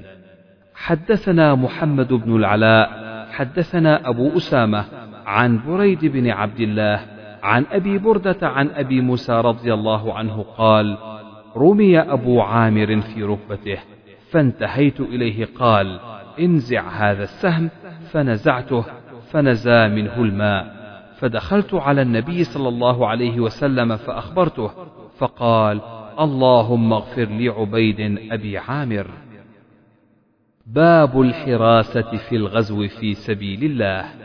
حدثنا إسماعيل بن خليل أخبرنا علي بن مسهر أخبرنا يحيى بن سعيد أخبرنا عبد الله بن عامر بن ربيعة. قال سمعت عائشة رضي الله عنها تقول كان النبي صلى الله عليه وسلم سهر. فلما قدم المدينة قال ليت رجلا من أصحابي صالحا يحرسني الليلة إذ سمعنا صوت سلاح فقال من هذا؟ فقال أنا سعد بن أبي وقاص جئت لأحرسك. ونام النبي صلى الله عليه وسلم. حدثنا يحيى بن يوسف أخبرنا أبو بكر عن أبي حصين عن أبي صالح عن أبي هريرة رضي الله عنه عن النبي صلى الله عليه وسلم قال تعس عبد الدينار والدرهم والقطيفة والخميصة إن أعطي رضي وإن لم يعط لم يرض. لم يرفعه إسرائيل عن أبي حصين. وزادنا عمرو قال أخبرنا عبد الرحمن بن عبد الله بن دينار عن أبيه عن أبي صالح عن أبي هريرة عن النبي صلى الله عليه وسلم قال تعس عبد الدينار وعبد الدرهم وعبد الخميصة إن أعطي رضي وإن لم يعط سخط تعس وانتكس وإذا شيك فلا انتقش طوبى لعبد آخذ بعنان فرسه في سبيل الله. أشعث رأسه مغبرة قدماه إن كان في الحراسة كان في الحراسة وإن كان في الساقة كان في الساقة إن استأذن لم يؤذن له وإن شفع لم يشفع. قال أبو عبد الله لم يرفعه إسرائيل ومحمد بن جحادة عن أبي حصين وقال تعسى كأنه يقول فأتعسهم الله. طوبى فعلى. من كل شيء طيب وهي ياء حولت إلى الواو وهي من يطيب. باب فضل الخدمة في الغزو. حدثنا محمد بن عرعرة وحدثنا شعبة عن يونس بن عبيد عن ثابت البناني عن أنس بن مالك رضي الله عنه قال صحبت جرير بن عبد الله فكان يخدمني وهو أكبر من أنس. قال جرير إني رأيت الأنصار يصنعون شيئا لا أجد أحدا منهم إلا أكرمته. حدثنا عبد العزيز بن عبد الله حدثنا محمد بن جعفر عن عمرو بن أبي عمرو ومولى المطلب بن حنطب أنه سمع أنس بن مالك رضي الله عنه يقول خرجت مع رسول الله صلى الله عليه وسلم إلى خيبر أخدمه. فلما قدم النبي صلى الله عليه وسلم راجعا وبدا له أحد قال هذا جبل يحبنا ونحبه. ثم أشار بيده إلى المدينة قال اللهم إني أحرم ما بين لابتيها كتحريم إبراهيم مكة اللهم بارك لنا في صاعنا ومدنا. حدثنا سليمان بن داود أبو الربيع عن إسماعيل بن زكريا. حدثنا عاصم عن مورق العجلي عن أنس رضي الله عنه قال كنا مع النبي صلى الله عليه وسلم أكثرنا ظلا الذي يستظل بكسائه وأما الذين صاموا فلم يعملوا شيئا وأما الذين أفطروا فبعثوا الركاب وامتهنوا وعالجوا. فقال النبي صلى الله عليه وسلم ذهب المفطرون اليوم بالأجر. باب فضل من حمل متاع صاحبه في السفر.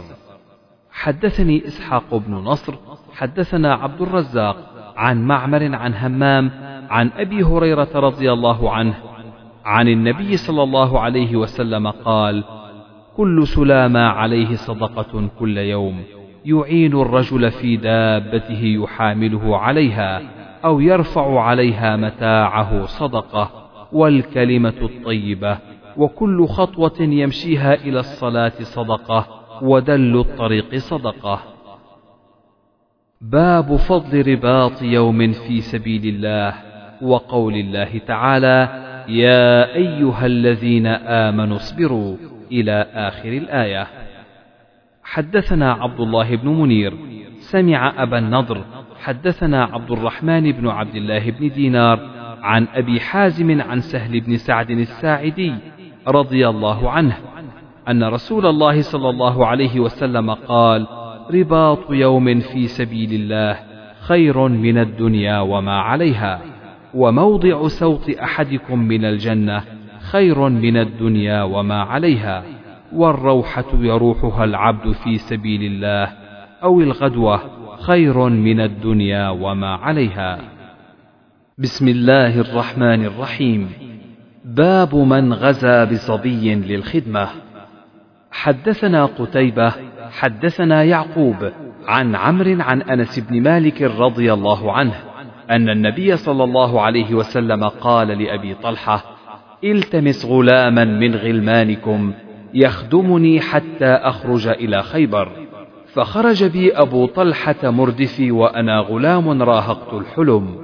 فكنت أخدم رسول الله صلى الله عليه وسلم إذا نزل فكنت أسمعه كثيرا يقول اللهم إني أعوذ بك من الهم والحزن والعجز والكسل والبخل والجبن وضلع الدين وغلبة الرجال. ثم قدمنا خيبر فلما فتح الله عليه الحصن ذكر له جمال صفية بنت حيي بن أخطب وقد قتل زوجها وكانت عروسا فاصطفاها رسول الله صلى الله عليه وسلم لنفسه فخرج بها حتى بلغنا سد الصهباء حلت فبنى بها ثم صنع حيسا في نطع صغير ثم قال رسول الله صلى الله عليه وسلم آذن من حولك. فكانت تلك وليمة رسول الله صلى الله عليه وسلم على صفية. ثم خرجنا إلى المدينة.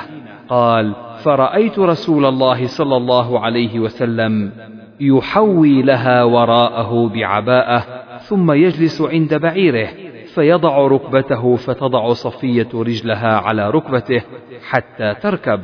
فسرنا حتى إذا أشرفنا على المدينة نظر إلى أحد فقال هذا جبل يحبنا ونحبه. ثم نظر إلى المدينة فقال اللهم إني أحرم ما بين لابتيها بمثل ما حرم إبراهيم مكة. اللهم بارك لهم في مدهم وصاعهم. باب ركوب البحر. حدثنا أبو النعمان حدثنا حماد بن زيد عن يحيى عن محمد بن يحيى بن حبان عن أنس بن مالك رضي الله عنه قال حدثتني أم حرام أن النبي صلى الله عليه وسلم قال يوما في بيتها فاستيقظ وهو يضحك. قالت يا رسول الله ما يضحكك؟ قال عجبت من قوم من أمتي يركبون البحر كالملوك على الأسرة. فقلت يا رسول الله أدعو الله أن يجعلني منهم. فقال أنت معهم. ثم نام فاستيقظ وهو يضحك. فقال مثل ذلك مرتين أو ثلاثا قلت يا رسول الله ادعو الله أن يجعلني منهم. فيقول أنت من الأولين. فتزوج بها عبادة بن الصامت فخرج بها إلى الغزو. فلما رجعت قربت دابة لتركبها فوقعت فاندقت عنقها. باب من استعان بالضعفاء والصالحين في الحرب.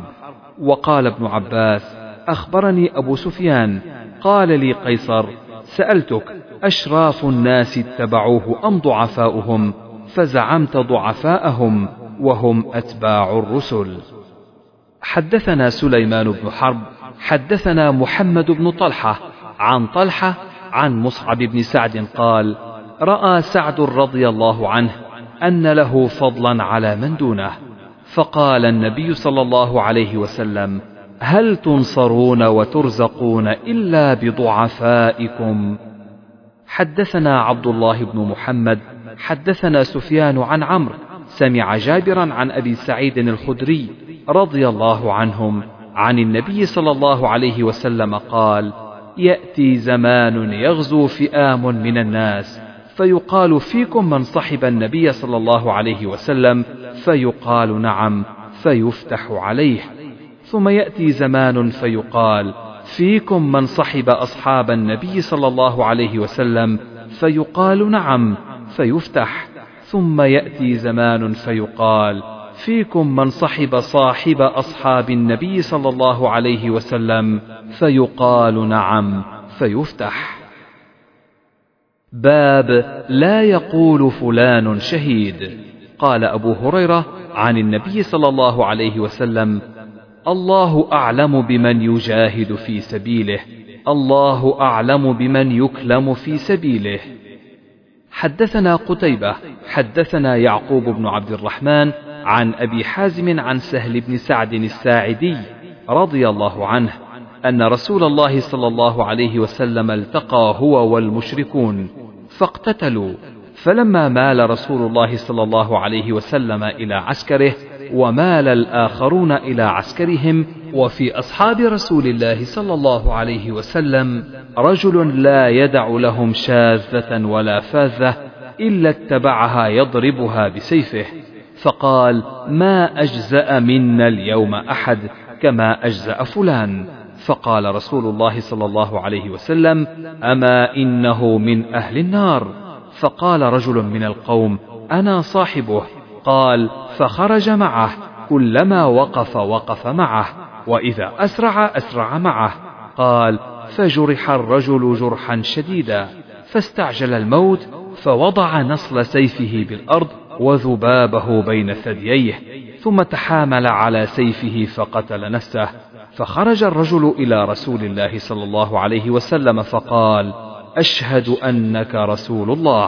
قال وما ذاك؟ قال الرجل الذي ذكرت آنفا أنه من أهل النار فأعظم الناس ذلك فقلت أنا لكم به فخرجت في طلبه ثم جرح جرحا شديدا فاستعجل الموت فوضع نصل سيفه في الأرض وذبابه بين ثدييه ثم تحامل عليه فقتل نفسه. فقال رسول الله صلى الله عليه وسلم عند ذلك إن الرجل ليعمل عمل أهل الجنة. فيما يبدو للناس وهو من أهل النار وإن الرجل ليعمل عمل أهل النار فيما يبدو للناس وهو من أهل الجنة. باب التحريض على الرمي وقول الله تعالى وأعدوا لهم ما استطعتم من قوة ومن رباط الخيل ترهبون به عدو الله وعدوكم. حدثنا عبد الله بن مسلمة حدثنا حاتم بن إسماعيل عن يزيد بن أبي عبيد قال سمعت سلمة بن الأكوع رضي الله عنه قال مر النبي صلى الله عليه وسلم على نفر من أسلم ينتظلون. فقال النبي صلى الله عليه وسلم أرموا بني إسماعيل فإن أباكم كان راميا. أرموا وأنا مع بني فلان. قال فأمسك أحد الفريقين بأيديهم فقال رسول الله صلى الله عليه وسلم ما لكم لا ترمون؟ قالوا كيف نرمي وأنت معهم؟ قال النبي صلى الله عليه وسلم أرموا فأنا معكم كلكم. حدثنا أبو نعيم حدثنا عبد الرحمن بن الغسيل عن حمزة بن أبي أسيد عن أبيه قال قال النبي صلى الله عليه وسلم يوم بدر حين صففنا لقريش وصفوا لنا إذا أكثبوكم فعليكم بالنبل. باب اللهو بالحراب ونحوها. حدثنا إبراهيم بن موسى أخبرنا هشام عن معمر عن الزهري عن ابن المسيب عن أبي هريرة رضي الله عنه قال بين الحبشة يلعبون عند النبي صلى الله عليه وسلم بحرابهم دخل عمر فأهوى إلى الحصى فحصبهم بها فقال دعهم يا عمر. وزاد علي حدثنا عبد الرزاق أخبرنا معمر في المسجد. باب المجن ومن يتترس بترس صاحبه. حدثنا أحمد بن محمد أخبرنا عبد الله أخبرنا الأوزاعي عن إسحاق بن عبد الله بن أبي طلحة عن أنس بن مالك رضي الله عنه قال كان أبو طلحة يتترس مع النبي صلى الله عليه وسلم بترس واحد وكان أبو طلحة حسن الرمي فكان إذا رمى تشرف النبي صلى الله عليه وسلم فينظر إلى موضع نبله. حدثنا سعيد بن عفير، حدثنا يعقوب بن عبد الرحمن عن أبي حازم عن سهل قال: لما كسرت بيضة النبي صلى الله عليه وسلم على رأسه وأدمي وجهه وكسرت رباعيته وكان علي يختلف بالماء في المجن وكانت فاطمة تغسله فلما رأت الدم يزيد على الماء كثرة عمدت إلى حصير فأحرقتها وألصقتها على جرحه فرق الدم. حدثنا علي بن عبد الله حدثنا سفيان عن عمرو عن الزهري عن مالك بن أوس بن الحدثان عن عمر رضي الله عنه قال: كانت أموال بني النضير مما أفاء الله على رسوله صلى الله عليه وسلم مما لم يوجف المسلمون عليه بخيل ولا ركاب. فكانت لرسول الله صلى الله عليه وسلم خاصة وكان ينفق على أهله نفقة سنته. ثم يجعل ما بقي في السلاح والكراع عدة في سبيل الله. حدثنا مسدد حدثنا يحيى عن سفيان قال حدثني سعد بن إبراهيم عن عبد الله بن شداد عن علي. حدثنا قبيصة حدثنا سفيان عن سعد بن إبراهيم قال حدثني عبد الله بن شداد قال سمعت علي رضي الله عنه يقول ما رأيت النبي صلى الله عليه وسلم يفدي رجلا بعد سعد. سمعته يقول ارم فداك أبي وأمي. باب الدرق. حدثنا إسماعيل قال حدثني ابن وهب. قال عمرو حدثني أبو الأسود عن عروة عن عائشة رضي الله عنها. دخل علي رسول الله صلى الله عليه وسلم وعندي جاريتان تغنيان بغناء بعاث. فاضطجع على الفراش وحول وجهه فدخل أبو بكر فانتهرني وقال مزمارة الشيطان عند رسول الله صلى الله عليه وسلم. فأقبل عليه رسول الله صلى الله عليه وسلم فقال دعهما.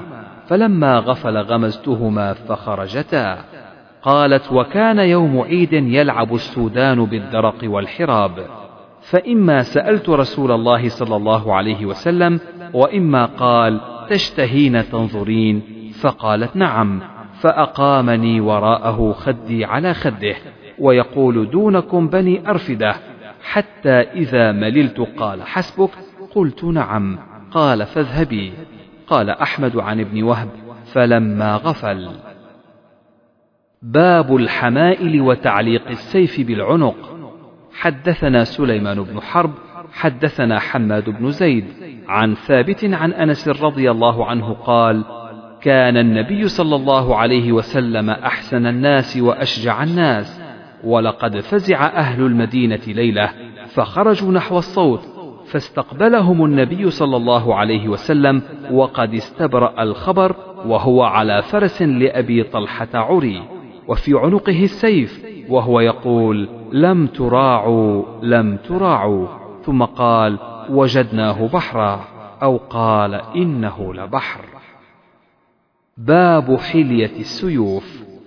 حدثنا أحمد بن محمد أخبرنا عبد الله أخبرنا الأوزاعي قال سمعت سليمان بن حبيب قال سمعت أبا أمامة يقول لقد فتح الفتوح قوم ما كانت حلية سيوفهم الذهب ولا الفضة إنما كانت حليتهم العلابي والآنك والحديد.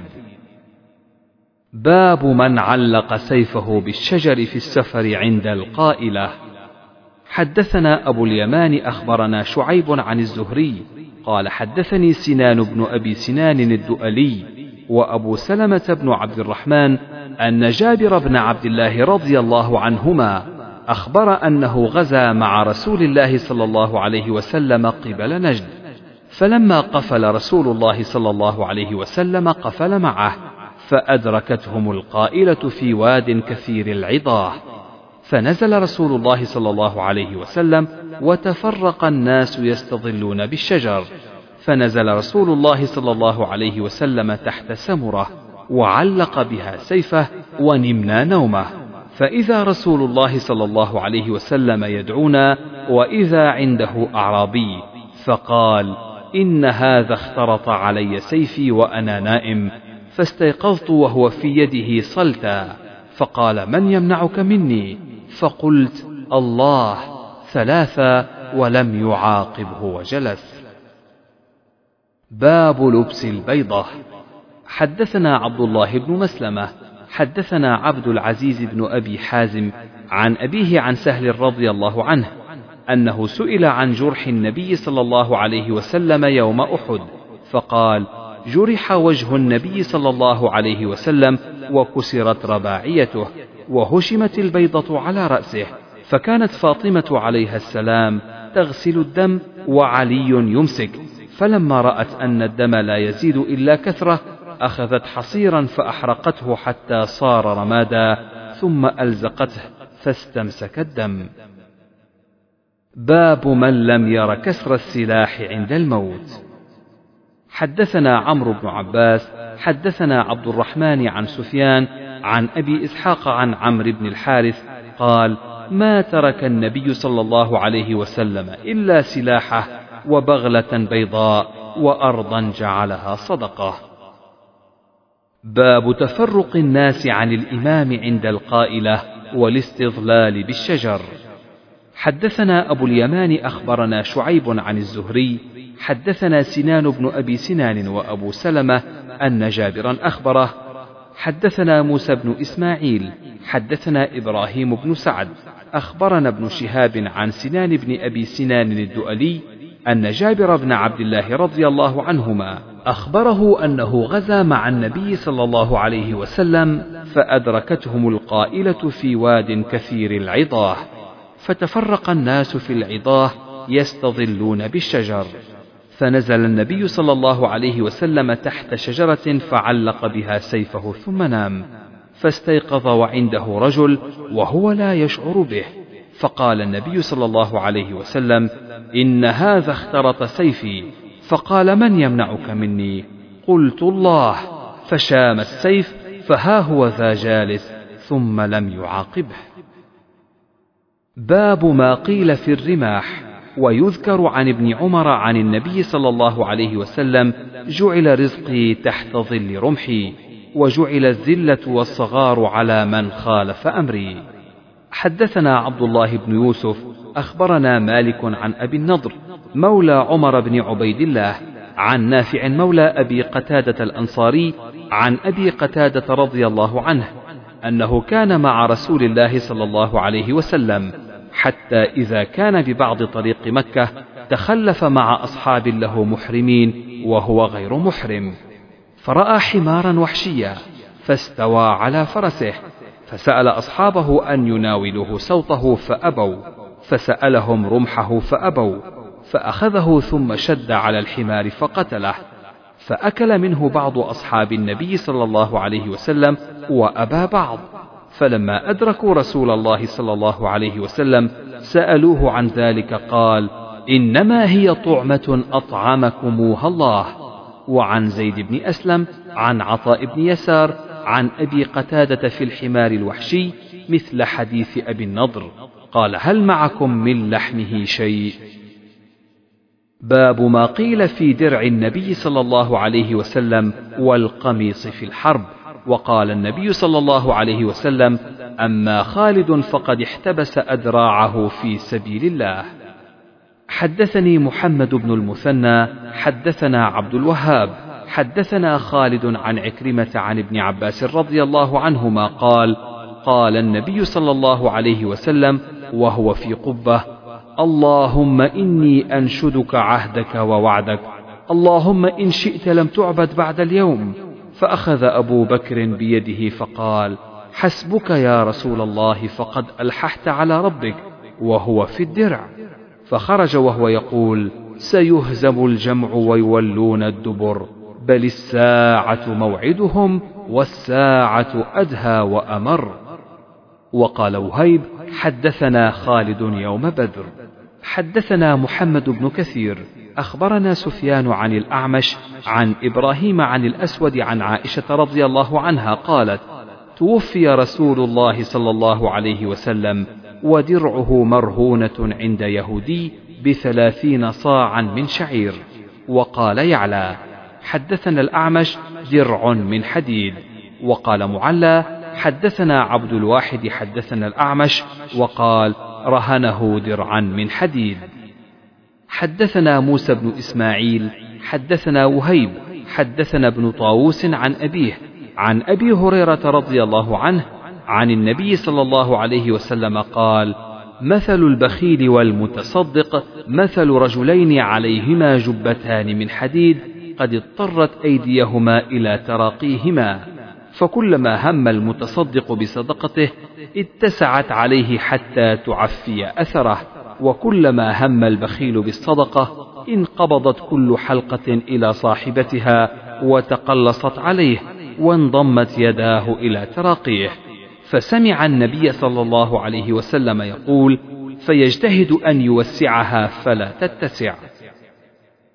باب الجبة في السفر والحرب. حدثنا موسى بن إسماعيل حدثنا عبد الواحد حدثنا الأعمش عن أبي الضحى مسلم هو ابن صبيح عن مسروق قال حدثني المغيرة بن شعبة قال انطلق رسول الله صلى الله عليه وسلم لحاجته ثم أقبل فلقيته بماء وعليه جبة شأمية فمضمض واستنشق وغسل وجهه. فذهب يخرج يديه من كميه فكانا ضيقين فأخرجهما من تحت فغسلهما ومسح برأسه وعلى خفيه. باب الحرير في الحرب. حدثنا أحمد بن المقدام حدثنا خالد حدثنا سعيد عن قتادة أن أنسا حدثهم أن النبي صلى الله عليه وسلم رخص لعبد الرحمن بن عوف والزبير في قميص من حرير من حكة كانت بهما. حدثنا أبو الوليد حدثنا همام عن قتادة عن أنس حدثنا محمد بن سنان حدثنا همام عن قتادة عن أنس رضي الله عنه أن عبد الرحمن بن عوف والزبير شكوا إلى النبي صلى الله عليه وسلم يعني القمل فأرخص لهما في الحرير فرأيته عليهما في غزاه. حدثنا مسدد حدثنا يحيى عن شعبة. أخبرني قتادة أن أنسا حدثهم قال رخص النبي صلى الله عليه وسلم لعبد الرحمن بن عوف والزبير بن العوام في حرير. حدثني محمد بن بشار. حدثنا غندر. حدثنا شعبة. سمعت قتادة عن أنس رخص أو رخص لحكة بهما. باب ما يذكر في السكين. حدثنا عبد العزيز بن عبد الله قال حدثني إبراهيم بن سعد عن ابن شهاب عن جعفر بن عمرو بن أمية عن أبيه قال رأيت النبي صلى الله عليه وسلم يأكل من كتف يحتز منها ثم دعي إلى الصلاة فصلى ولم يتوضأ. حدثنا أبو اليمان أخبرنا شعيب عن الزهري وزاد فألقى السكين. باب ما قيل في قتال الروم. حدثنا إسحاق بن يزيد الدمشقي حدثنا يحيى بن حمزة قال حدثني ثور بن يزيد عن خالد بن معدان أن عمير بن الأسود العنسي حدثه أنه أتى عبادة بن الصامت وهو نازل في ساحل حمص وهو في بناء له ومعه أم حرام. قال عمير فحدثتنا أم حرام أنها سمعت النبي صلى الله عليه وسلم يقول أول جيش من أمتي يغزون البحر قد أوجبوا. قالت أم حرام قلت يا رسول الله أنا فيهم؟ قال أنت فيهم. ثم قال النبي صلى الله عليه وسلم أول جيش من أمتي يغزون مدينة قيصر مغفور لهم. فقلت أنا فيهم يا رسول الله؟ قال لا.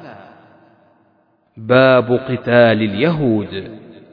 حدثنا إسحاق بن محمد الفروي حدثنا مالك عن نافع عن عبد الله بن عمر رضي الله عنهما أن رسول الله صلى الله عليه وسلم قال تقاتلون اليهود حتى يختبئ أحدهم وراء الحجر فيقول يا عبد الله هذا يهودي ورائي فاقتله.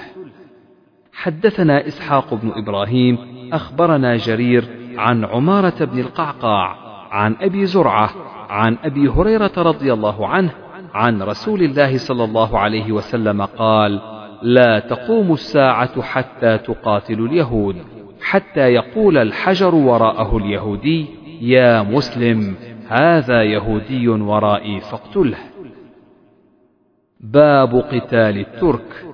حدثنا أبو النعمان حدثنا جرير بن حازم قال سمعت الحسن يقول حدثنا عمرو بن تغلب قال قال النبي صلى الله عليه وسلم إن من أشراط الساعة أن تقاتلوا قوما ينتعلون نعال الشعر وإن من أشراط الساعة أن تقاتلوا قوما عراض الوجوه كأن وجوههم المجان المطرقة. حدثنا سعيد بن محمد حدثنا يعقوب حدثنا أبي عن صالح عن الأعرج قال قال أبو هريرة رضي الله عنه قال رسول الله صلى الله عليه وسلم لا تقوم الساعة حتى تقاتل الترك صغار الأعين حمر الوجوه ذلف الأنوف كأن وجوههم المجان المطرقة ولا تقوم الساعة حتى تقاتل قوما نعالهم الشعر. باب قتال الذين ينتعلون الشعر. حدثنا علي بن عبد الله حدثنا سفيان قال الزهري عن سعيد بن المسيب عن أبي هريرة رضي الله عنه عن النبي صلى الله عليه وسلم قال لا تقوم الساعة حتى تقاتلوا قوما نعالهم الشعر ولا تقوم الساعة حتى تقاتلوا قوما كأن وجوههم المجان المطرقة. قال سفيان وزاد فيه أبو الزناد عن الأعرج عن أبي هريرة رواية صغار الأعين ذلف الأنوف كأن وجوههم المجان المطرقة. باب من صف أصحابه عند الهزيمة ونزل عن دابته واستنصر. حدثنا عمرو بن خالد، حدثنا زهير حدثنا أبو إسحاق، قال سمعت البراء وسأله رجل: أكنتم فررتم يا أبا عمارة يوم حنين؟ قال لا والله ما ولى رسول الله صلى الله عليه وسلم ولكنه خرج شبان أصحابه وأخفاؤهم حسرا ليس بسلاح. فأتوا قوما رماة جمع هوازن وبني نصر ما يكاد يسقط لهم سهم. فرشقوهم رشقا ما يكادون يخطئون. فأقبلوا هنالك إلى النبي صلى الله عليه وسلم وهو على بغلته البيضاء. وابن عمه أبو سفيان بن الحارث بن عبد المطلب يقود به فنزل واستنصر ثم قال أنا النبي لا كذب أنا ابن عبد المطلب. ثم صف أصحابه. باب الدعاء على المشركين بالهزيمة والزلزلة.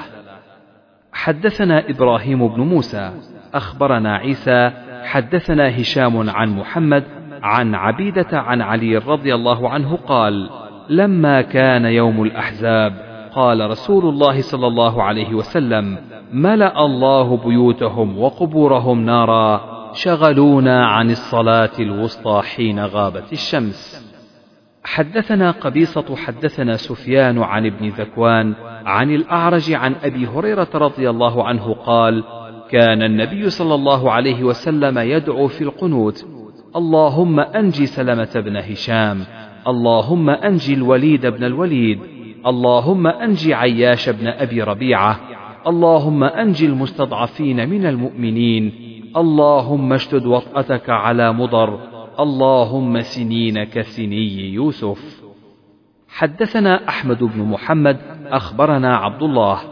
أخبرنا إسماعيل بن أبي خالد أنه سمع عبد الله بن أبي أوفى رضي الله عنهما يقول دعا رسول الله صلى الله عليه وسلم يوم الأحزاب على المشركين فقال اللهم منزل الكتاب سريع الحساب اللهم اهزم الأحزاب اللهم اهزمهم وزلزلهم. حدثنا عبد الله بن أبي شيبة حدثنا جعفر بن عون حدثنا سفيان عن أبي إسحاق عن عمرو بن ميمون عن عبد الله رضي الله عنه قال كان النبي صلى الله عليه وسلم يصلي في ظل الكعبة فقال أبو جهل وناس من قريش ونحرت جزور بناحية مكة فأرسلوا فجاءوا من سلاها وطرحوه عليه فجاءت فاطمة فألقته عنه فقال اللهم عليك بقريش. اللهم عليك بقريش اللهم عليك بقريش لأبي جهل بن هشام وعتبة بن ربيعة وشيبة بن ربيعة والوليد بن عتبة وأبي بن خلف وعقبة بن أبي معيط. قال عبد الله فلقد رأيتهم في قليب بدر قتلى قال أبو إسحاق ونسيت السابع. وقال يوسف بن إسحاق عن أبي إسحاق أمية بن خلف وقال شعبة أمية أو أبي والصحيح أمية. حدثنا سليمان بن حرب حدثنا حماد عن أيوب عن ابن أبي مليكة عن عائشة رضي الله عنها أن اليهود دخلوا على النبي صلى الله عليه وسلم فقالوا السام عليك فلعنتهم. فقال ما لك؟ قلت أولم تسمع ما قالوا؟ قال فلم تسمعي ما قلت وعليكم. باب هل يرشد المسلم أهل الكتاب أو يعلمهم الكتاب؟ حدثنا إسحاق أخبرنا يعقوب بن إبراهيم حدثنا ابن أخي بن شهاب عن عمه قال أخبرني عبيد الله بن عبد الله بن عتبة بن مسعود أن عبد الله بن عباس رضي الله عنهما أخبره أن رسول الله صلى الله عليه وسلم كتب إلى قيصر وقال فإن توليت فإن عليك إثم الأريسيين. باب الدعاء للمشركين بالهدى ليتألفهم. حدثنا أبو اليمان أخبرنا شعيب حدثنا أبو الزناد أن عبد الرحمن قال قال أبو هريرة رضي الله عنه قدم طفيل بن عمرو الدوسي وأصحابه على النبي صلى الله عليه وسلم فقالوا يا رسول الله إن دوسا عصت وأبت فادعوا الله عليها. فقيل هلك الدوس. قال اللهم اهد دوسا وأت بهم. باب دعوة اليهودي والنصراني وعلى ما يقاتلون عليه وما كتب النبي صلى الله عليه وسلم إلى كسرى وقيصر والدعوة قبل القتال. حدثنا علي بن الجعد. أخبرنا شعبة عن قتادة. قال سمعت أنس رضي الله عنه يقول: لما أراد النبي صلى الله عليه وسلم أن يكتب إلى الروم قيل له: إنهم لا يقرؤون كتابا إلا أن يكون مختوما، فاتخذ خاتما من فضة فكأني أنظر إلى بياضه في يده ونقش فيه محمد رسول الله. حدثنا عبد الله بن يوسف حدثنا الليث قال حدثني عقيل عن ابن شهاب قال أخبرني عبيد الله بن عبد الله بن عتبة أن عبد الله بن عباس أخبره أن رسول الله صلى الله عليه وسلم بعث بكتابه إلى كسرى فأمره أن يدفعه إلى عظيم البحرين يدفعه عظيم البحرين إلى كسرى. فلما قرأه كسرى خرقه فحسبت أن سعيد بن المسيب قال فدعا عليهم النبي صلى الله عليه وسلم أن يمزقوا كل ممزق. باب دعاء النبي صلى الله عليه وسلم إلى الإسلام والنبوة وألا يتخذ بعضهم بعضا أربابا من دون الله وقوله تعالى ما كان لبشر أن يؤتيه الله إلى آخر الآية حدثنا إبراهيم بن حمزة. حدثنا إبراهيم بن سعد عن صالح بن كيسان عن ابن شهاب عن عبيد الله بن عبد الله بن عتبة عن عبد الله بن عباس رضي الله عنهما أنه أخبره أن رسول الله صلى الله عليه وسلم كتب إلى قيصر يدعوه إلى الإسلام وبعث بكتابه إليه مع دحية الكلبي وأمره رسول الله صلى الله عليه وسلم أن يدفعه إلى عظيم بصرى ليدفعه إلى قيصر. وكان قيصر لما كشف الله عنه جنود فارس مشى من حمص إلى إيليا شكرا لما أبلاه الله. فلما جاء قيصر كتاب رسول الله صلى الله عليه وسلم قال حين قرأه التمسوا لي ها هنا أحدا من قومه لأسألهم عن رسول الله صلى الله عليه وسلم. قال ابن عباس فأخبرني أبو سفيان أنه كان بالشأم في رجال من قريش قدموا تجارا في المدة التي كانت بين رسول الله صلى الله عليه وسلم وبين كفار قريش. قال أبو سفيان فوجدنا رسول قيصر ببعض الشأم فانطلق بي وبأصحابي حتى قدمنا إلياء فأدخلنا عليه فإذا هو جالس في مجلس ملكه وعليه التاج وإذا حوله عظماء الروم. فقال لترجمانه سلهم أيهم أقرب نسبا إلى هذا الرجل الذي يزعم أنه نبي؟ قال أبو سفيان فقلت أنا أقربهم إليه نسبا. قال ما قرابة ما بينك وبينه؟ فقلت هو ابن عمي وليس في الركب يومئذ أحد من بني عبد مناف غيري. فقال قيصر أدنوه. وأمر بأصحابي فجعلوا خلف ظهري عند كتفي ثم قال لترجمانه قل لأصحابه إني سائل هذا الرجل عن الذي يزعم أنه نبي فإن كذب فكذبوه. قال أبو سفيان والله لولا الحياء يومئذ من أن يأثر أصحابي عني الكذب لكذبته حين سألني عنه ولكني استحييت أن يأثروا الكذب عني فصدقته. ثم قال لترجمانه قل له كيف نسب هذا الرجل فيكم؟ قلت هو فينا ذو نسب. قال فهل قال هذا القول أحد منكم قبله؟ قلت لا. فقال كنتم تتهمونه على الكذب قبل أن يقول ما قال؟ قلت لا. قال فهل كان من آبائه من ملك؟ قلت لا.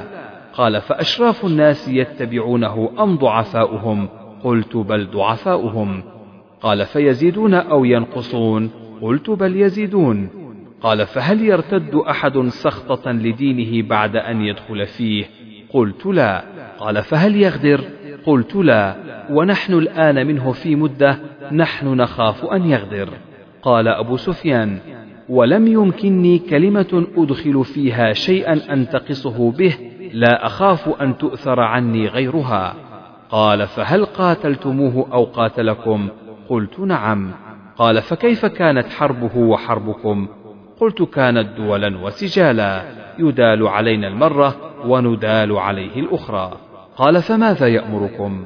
قال يأمرنا أن نعبد الله وحده لا نشرك به شيئا وينهانا عما كان يعبد آباؤنا ويأمرنا بالصلاة والصدقة والعفاف والوفاء بالعهد وأداء الأمانة. فقال لترجمانه حين قلت ذلك له قل له إني سألتك عن نسبه فيكم فزعمت أنه ذو نسب. وكذلك الرسل تبعث في نسب قومها. وسألتك هل قال أحد منكم هذا القول قبله فزعمت أن لا. فقلت لو كان أحد منكم قال هذا القول قبله قلت رجل يأتم بقول قد قيل قبله. وسألتك هل كنتم تتهمونه بالكذب قبل أن يقول ما قال فزعمت أن لا. فعرفت أنه لم يكن ليدع الكذب على الناس ويكذب على الله.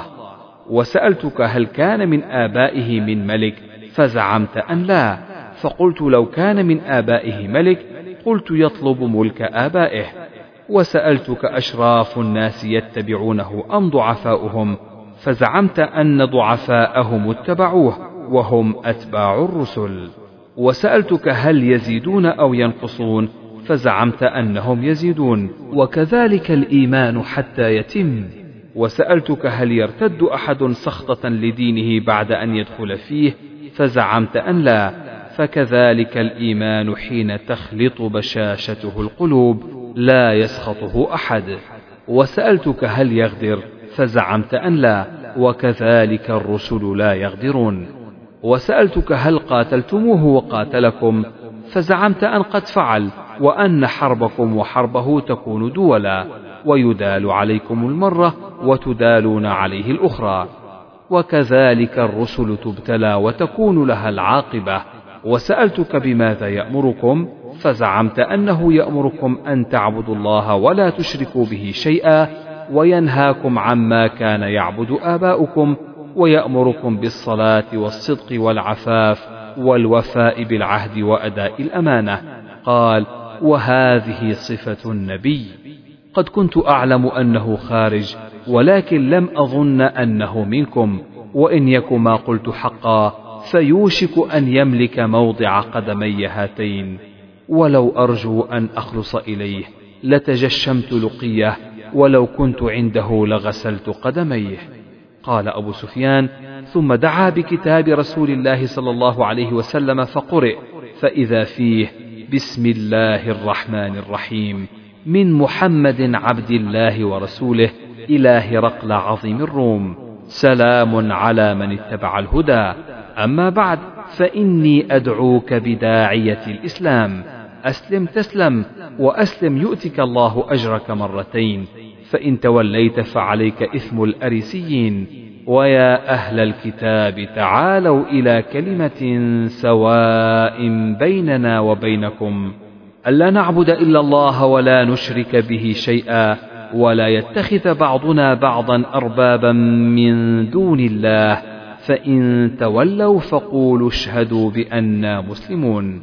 قال أبو سفيان فلما أن قضى مقالته علت أصوات الذين حوله من عظماء الروم. وكثر لغطهم فلا أدري ماذا قالوا وأمر بنا فأخرجنا.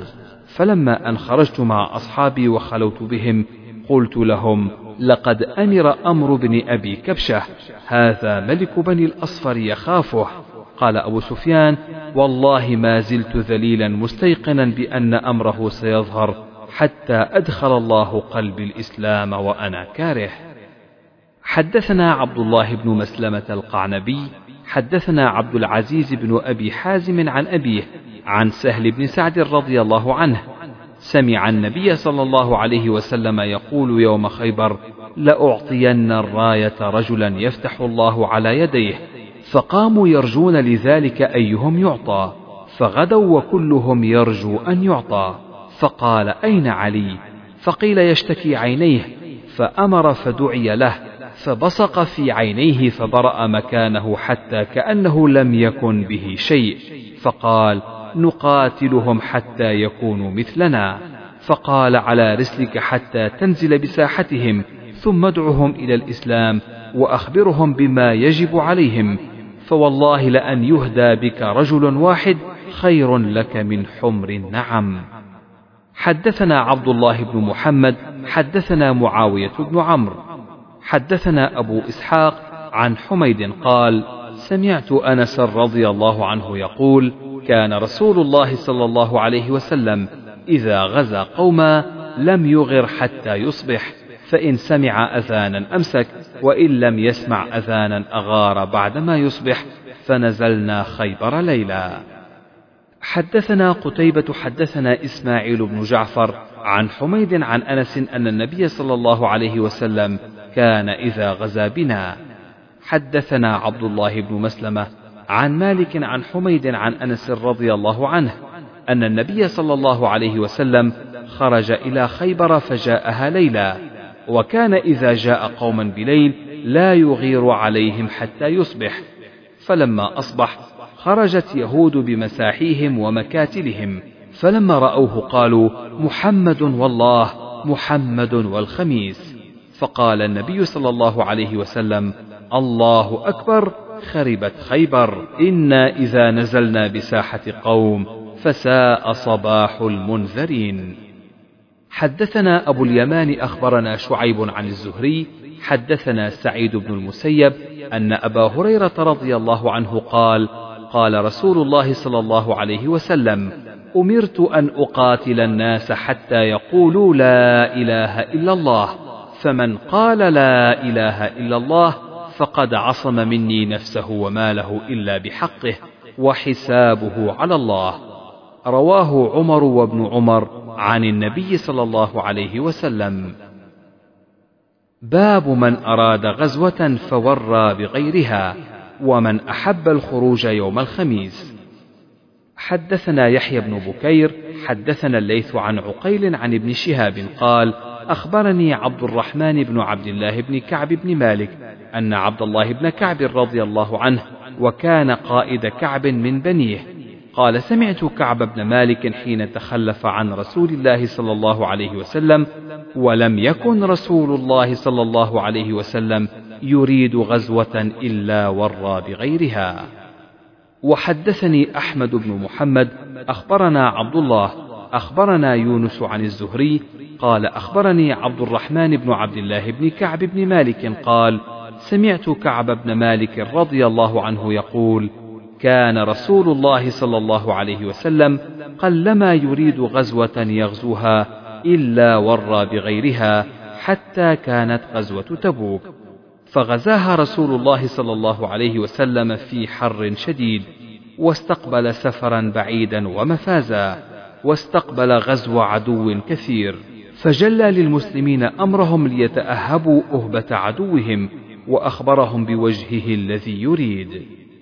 وعن يونس عن الزهري قال أخبرني عبد الرحمن بن كعب بن مالك أن كعب بن مالك رضي الله عنه كان يقول لقلما كان رسول الله صلى الله عليه وسلم يخرج إذا خرج في سفر إلا يوم الخميس.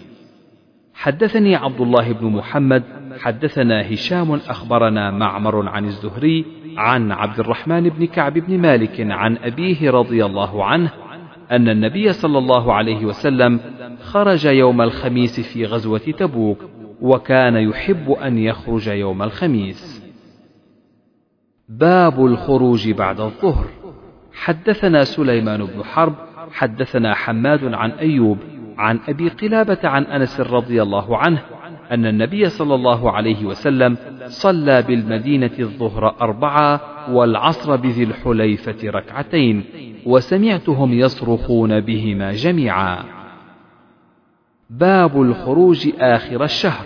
وقال كريب عن ابن عباس رضي الله عنهما انطلق النبي صلى الله عليه وسلم من المدينة لخمس بقين من ذي القعدة وقدم مكة لأربع ليال خلون من ذي الحجة. حدثنا عبد الله بن مسلمة عن مالك عن يحيى بن سعيد عن عمرة بنت عبد الرحمن أنها سمعت عائشة رضي الله عنها تقول خرجنا مع رسول الله صلى الله عليه وسلم لخمس ليال بقين من ذي القعدة ولا نرى إلا الحج فلما دنونا من مكة أمر رسول الله صلى الله عليه وسلم من لم يكن معه هدي إذا طاف بالبيت وسعى بين الصفا والمروة أن يحل. قالت عائشة فدخل علينا يوم النحر بلحم بقر فقلت ما هذا؟ فقال نحر رسول الله صلى الله عليه وسلم عن أزواجه قال يحيى فذكرت هذا الحديث للقاسم بن محمد فقال أتتك والله بالحديث على وجهه باب الخروج في رمضان. حدثنا علي بن عبد الله حدثنا سفيان قال حدثني الزهري عن عبيد الله عن ابن عباس رضي الله عنهما قال خرج النبي صلى الله عليه وسلم في رمضان فصام حتى بلغ الكديد أفطر. قال سفيان قال الزهري أخبرني عبيد الله عن ابن عباس وساق الحديث. باب التوديع. وقال ابن وهب أخبرني عمرو عن بكير عن سليمان بن يسار عن أبي هريرة رضي الله عنه أنه قال بعثنا رسول الله صلى الله عليه وسلم في بعث وقال لنا إن لقيتم فلانا وفلانا لرجلين من قريش سماهما فحرقوهما بالنار. قال ثم أتيناه نودعه حين أردنا الخروج. فقال إني كنت أمرتكم أن تحرقوا فلانا وفلانا بالنار وإن النار لا يعذب بها إلا الله فإن أخذتموهما فاقتلوهما. باب السمع والطاعة للإمام. حدثنا مسدد حدثنا يحيى عن عبيد الله قال حدثني نافع عن ابن عمر رضي الله عنهما عن النبي صلى الله عليه وسلم وحدثني محمد بن صباح حدثنا إسماعيل بن زكريا عن عبيد الله عن نافع عن ابن عمر رضي الله عنهما عن النبي صلى الله عليه وسلم قال السمع والطاعة حق ما لم يؤمر بالمعصية فإذا أمر بمعصية فلا سمع ولا طاعة. باب يقاتل من وراء الإمام ويتقى به.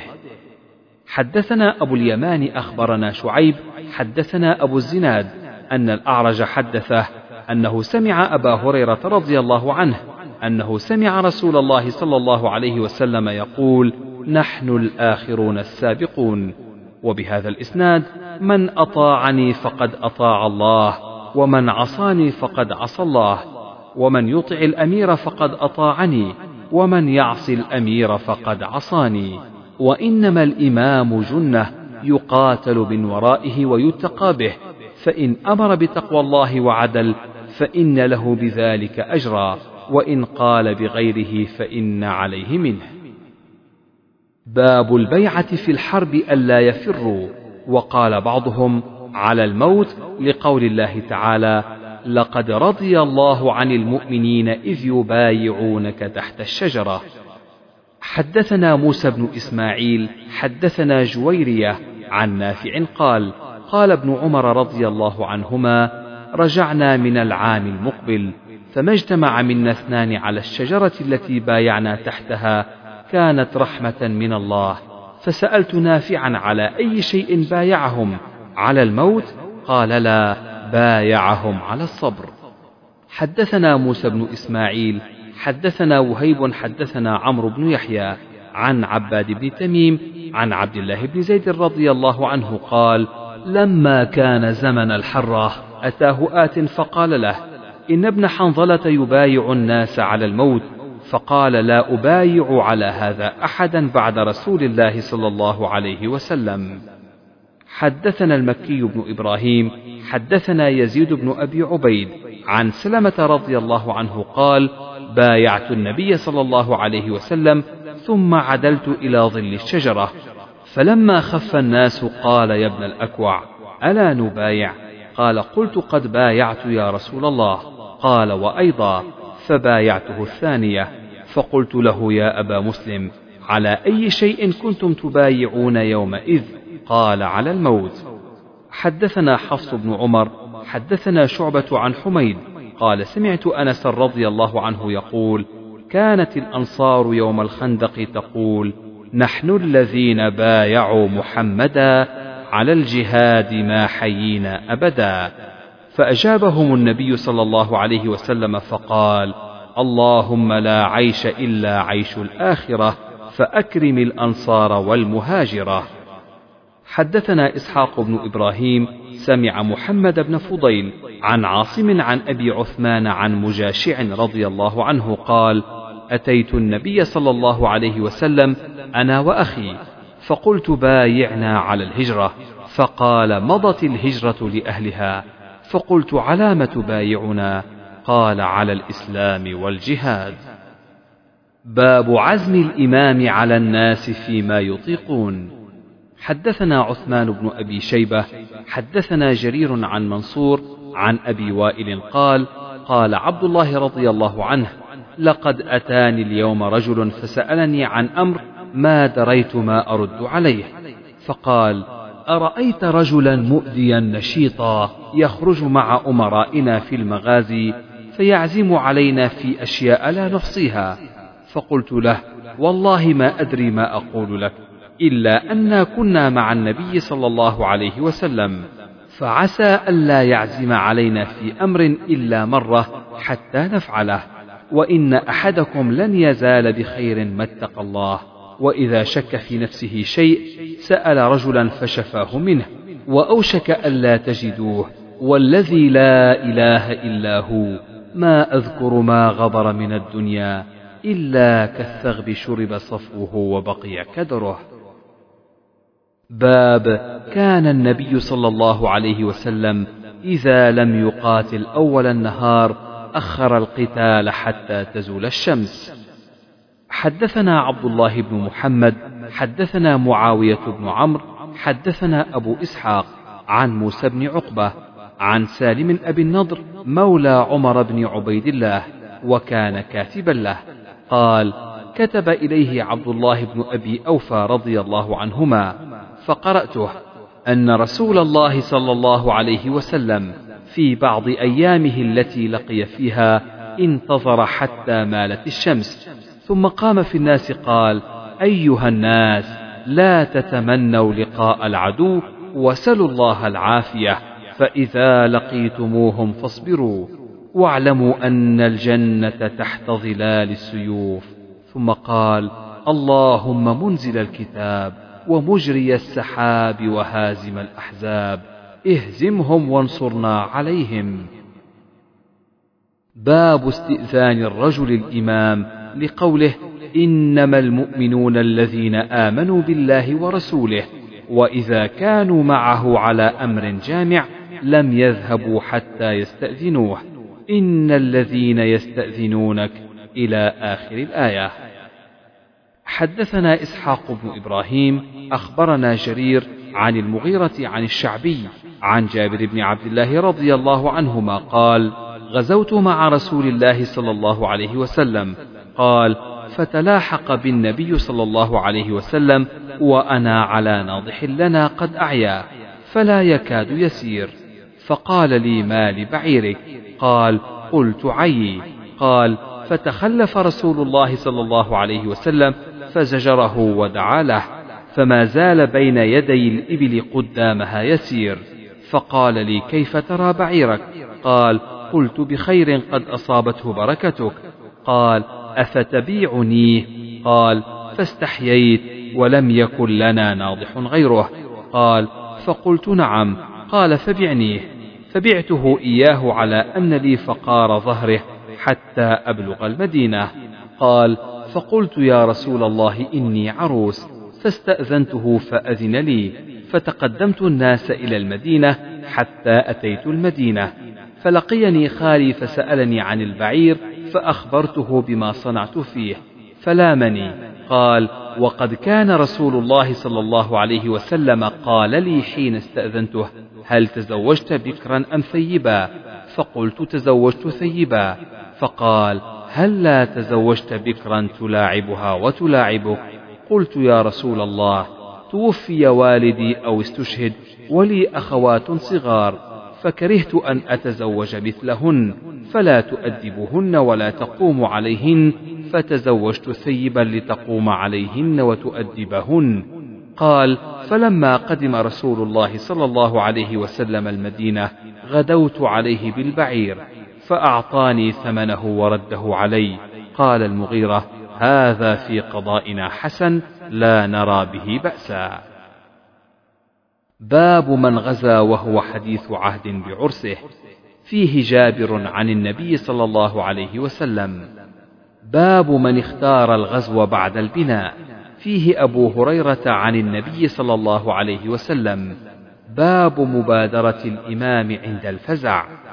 حدثنا مسدد حدثنا يحيى عن شعبة حدثني قتادة عن أنس بن مالك رضي الله عنه قال كان بالمدينة فزع فركب رسول الله صلى الله عليه وسلم فرسا لأبي طلحة فقال ما رأينا من شيء وإن وجدناه لبحرا. باب السرعة والركض في الفزع. حدثنا الفضل بن سهل حدثنا حسين بن محمد حدثنا جرير بن حازم عن محمد عن أنس بن مالك رضي الله عنه قال فزع الناس فركب رسول الله صلى الله عليه وسلم فرسا لأبي طلحة بطيئا ثم خرج يركض وحده فركب الناس يركضون خلفه فقال لم تراعوا إنه لبحر فما سبق بعد ذلك اليوم. باب الجعائل والحملان في السبيل. وقال مجاهد قلت لابن عمر الغزو قال إني أحب أن أعينك بطائفة من مالي. قلت أوسع الله علي. قال إن غناك لك وإني أحب أن يكون من مالي في هذا الوجه. وقال عمر إن ناسا يأخذون من هذا المال ليجاهدوا ثم لا يجاهدون. فمن فعله فنحن أحق بماله حتى نأخذ منه ما أخذ. وقال طاووس ومجاهد إذا دفع إليك شيء تخرج به في سبيل الله فاصنع به ما شئت وضعه عند أهلك. حدثنا الحميدي حدثنا سفيان قال سمعت مالك بن أنس سأل زيد بن أسلم فقال زيد سمعت أبي يقول قال عمر بن الخطاب رضي الله عنه حملت على فرس في سبيل الله فرأيته يباع فسألت النبي صلى الله عليه وسلم أشتريه؟ فقال لا تشتره ولا تعد في صدقتك. حدثنا إسماعيل قال حدثني مالك عن نافع عن عبد الله بن عمر رضي الله عنهما أن عمر بن الخطاب حمل على فرس في سبيل الله فوجده يباع فأراد أن يبتاعه. فسأل رسول الله صلى الله عليه وسلم فقال لا تبتعه ولا تعد في صدقتك. حدثنا مسدد حدثنا يحيى بن سعيد عن يحيى بن سعيد الأنصاري قال حدثني أبو صالح قال سمعت أبا هريرة رضي الله عنه قال قال رسول الله صلى الله عليه وسلم لولا أن أشق على أمتي ما تخلفت عن سرية ولكن لا أجد حمولة ولا أجد ما أحملهم عليه ويشق علي أن يتخلفوا عني. ولوددت أني قاتلت في سبيل الله فقتلت ثم أحييت ثم قتلت ثم أحييت. باب ما قيل في لواء النبي صلى الله عليه وسلم.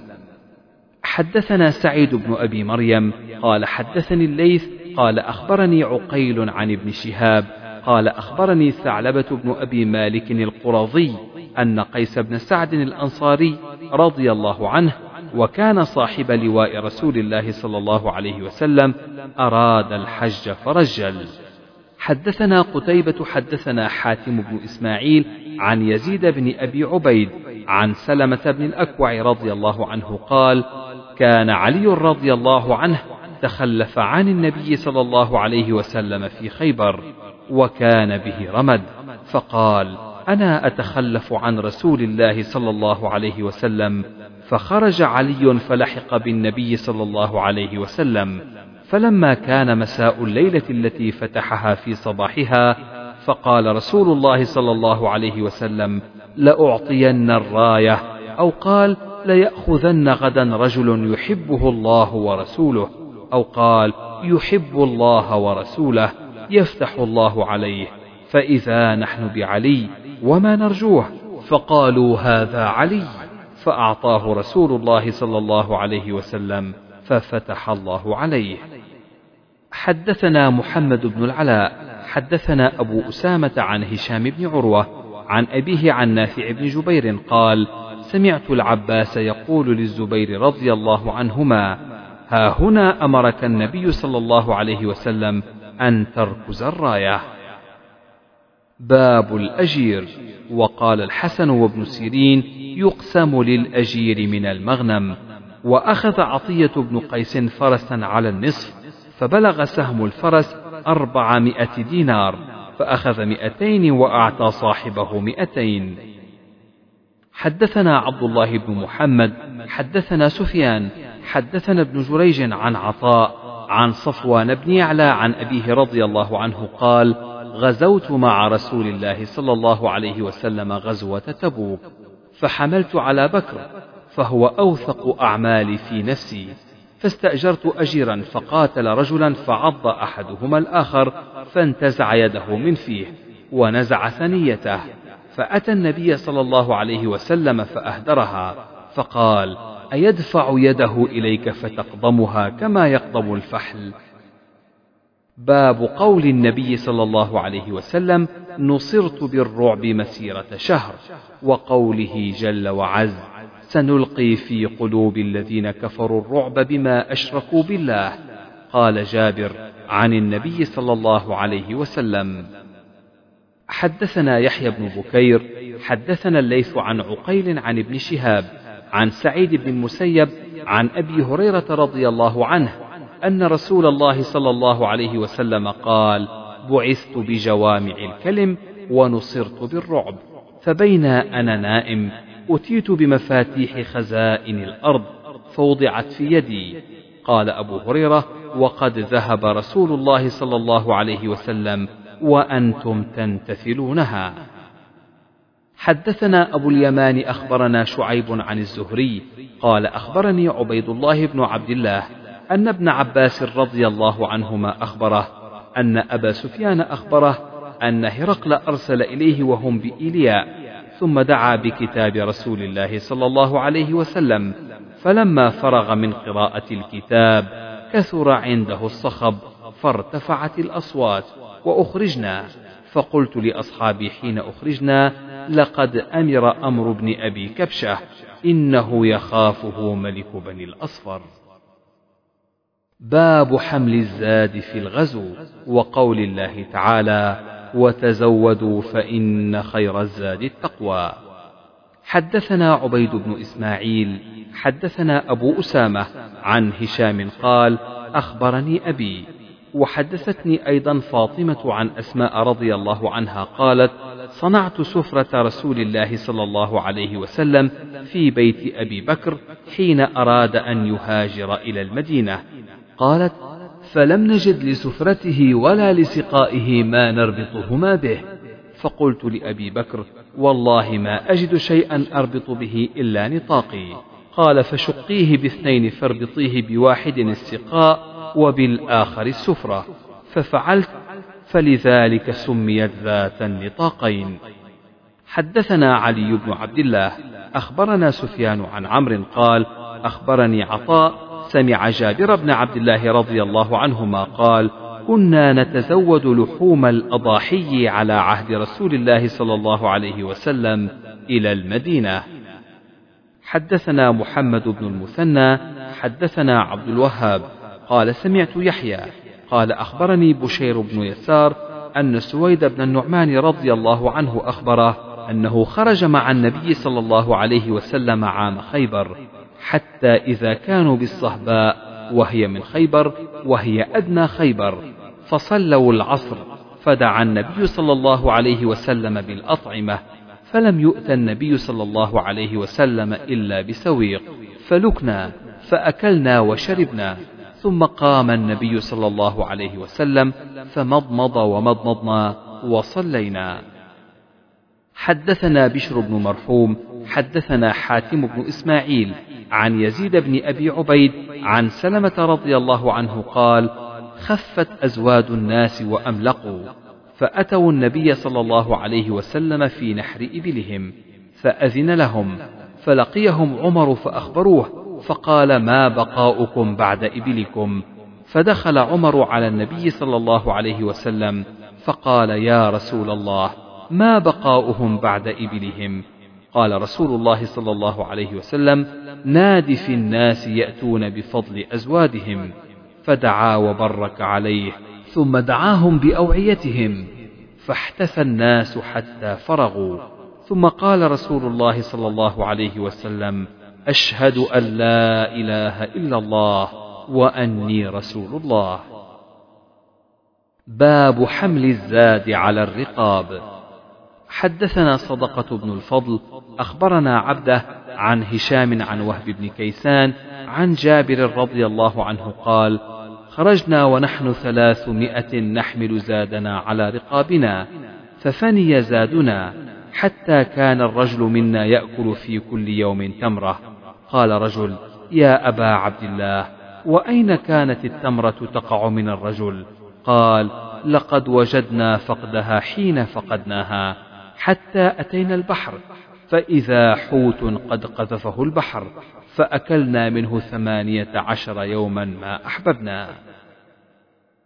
باب إرداف المرأة خلف أخيها. حدثنا عمرو بن علي حدثنا أبو عاصم حدثنا عثمان بن الأسود حدثنا ابن أبي مليكة عن عائشة رضي الله عنها أنها قالت يا رسول الله يرجع أصحابك بأجر حج وعمرة ولم أزد على الحج فقال لها اذهبي وليردفك عبد الرحمن. فأمر عبد الرحمن أن يعمرها من التنعيم. فانتظرها رسول الله صلى الله عليه وسلم بأعلى مكة حتى جاءت. حدثني عبد الله. حدثنا ابن عيينة عن عمرو بن دينار عن عمرو بن أوس عن عبد الرحمن بن أبي بكر الصديق رضي الله عنهما. قال أمرني النبي صلى الله عليه وسلم أن أردف عائشة وأعمرها من التنعيم. باب الارتداف في الغزو والحج.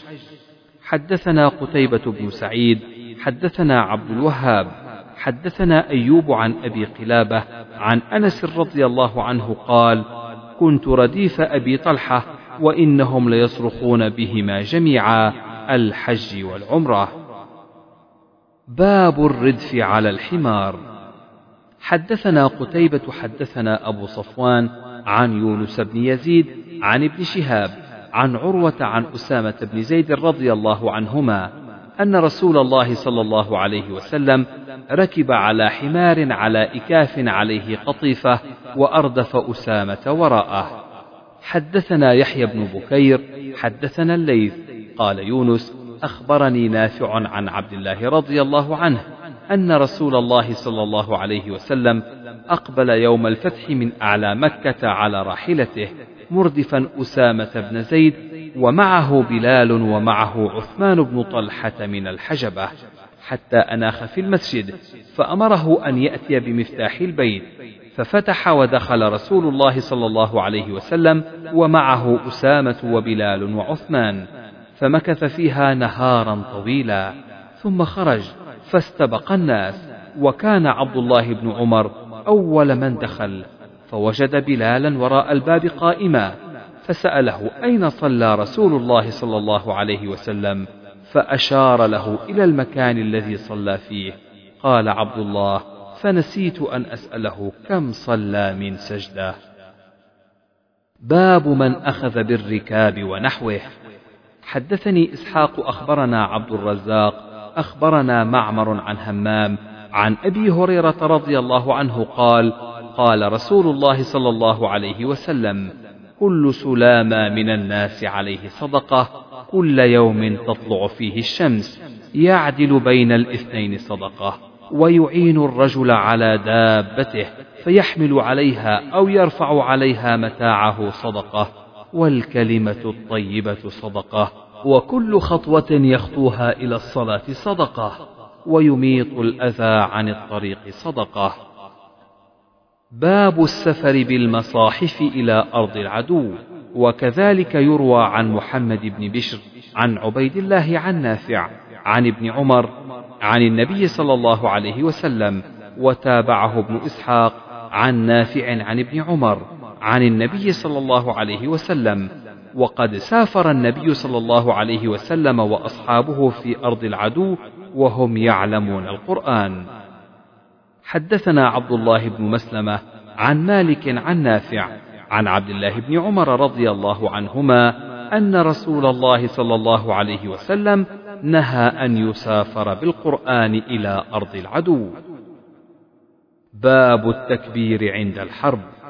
حدثنا عبد الله بن محمد حدثنا سفيان عن أيوب عن محمد عن أنس رضي الله عنه قال صبح النبي صلى الله عليه وسلم خيبر وقد خرجوا بالمساحي على أعناقهم فلما رأوه قالوا هذا محمد والخميس محمد والخميس فلجأوا إلى الحصن فرفع النبي صلى الله عليه وسلم يديه وقال الله أكبر! خربت خيبر. إنا إذا نزلنا بساحة قوم فساء صباح المنذرين. وأصبنا حمرا فطبخناها فنادى منادي النبي صلى الله عليه وسلم إن الله ورسوله ينهيانكم عن لحوم الحمر فأكفئت القدور بما فيها. تابعه علي عن سفيان رفع النبي صلى الله عليه وسلم يديه. باب ما يكره من رفع الصوت في التكبير. حدثنا محمد بن يوسف حدثنا سفيان عن عاصم عن أبي عثمان عن أبي موسى الأشعري رضي الله عنه قال كنا مع رسول الله صلى الله عليه وسلم فكنا إذا أشرفنا على واد هللنا وكبرنا ارتفعت أصواتنا فقال النبي صلى الله عليه وسلم يا أيها الناس اربعوا على أنفسكم فإنكم لا تدعون أصم ولا غائبا. إنه معكم إنه سميع قريب. تبارك اسمه وتعالى جده. باب التسبيح إذا هبط واديا حدثنا محمد بن يوسف حدثنا سفيان عن حسين بن عبد الرحمن عن سالم بن أبي الجعد عن جابر بن عبد الله رضي الله عنهما قال كنا إذا صعدنا كبرنا وإذا نزلنا سبحنا. باب التكبير إذا علا شرفا. حدثنا محمد بن بشار حدثنا ابن أبي عدي عن شعبة عن حسين عن سالم عن جابر رضي الله عنه قال كنا إذا صعدنا كبرنا وإذا تصوبنا سبحنا. حدثنا عبد الله قال حدثني عبد العزيز بن أبي سلمة عن صالح بن كيسان عن سالم بن عبد الله عن عبد الله بن عمر رضي الله عنهما قال كان النبي صلى الله عليه وسلم إذا قفل من الحج أو العمرة ولا أعلمه إلا قال الغزو يقول كلما أوفى على ثنية أو فدفد كبر ثلاثا ثم قال لا إله إلا الله وحده لا شريك له له الملك وله الحمد وهو على كل شيء قدير. آيبون تائبون عابدون ساجدون لربنا حامدون. صدق الله وعده ونصر عبده وهزم الأحزاب وحده. قال صالح فقلت له ألم يقل عبد الله إن شاء الله؟ قال لا. باب يكتب للمسافر مثل ما كان يعمل في الإقامة. حدثنا مطر بن الفضل حدثنا يزيد بن هارون حدثنا العوام حدثنا إبراهيم أبو إسماعيل السكسكي قال سمعت أبا بردة واصطحب هو ويزيد بن أبي كبشة في سفر فكان يزيد يصوم في السفر فقال له أبو بردة سمعت أبا موسى مرارا يقول قال رسول الله صلى الله عليه وسلم إذا مرض العبد أو سافر كتب له مثل ما كان يعمل مقيما صحيحا. باب السير وحده. حدثنا الحميدي حدثنا سفيان حدثنا محمد بن المنكدر. قال سمعت جابر بن عبد الله رضي الله عنهما يقول ندب النبي صلى الله عليه وسلم الناس يوم الخندق فانتدب الزبير ثم ندبهم فانتدب الزبير ثم ندبهم فانتدب الزبير. قال النبي صلى الله عليه وسلم إن لكل نبي حواريا وحواري الزبير. قال سفيان الحواري الناصر. حدثنا أبو الوليد حدثنا عاصم بن محمد قال حدثني أبي عن ابن عمر رضي الله عنهما عن النبي صلى الله عليه وسلم.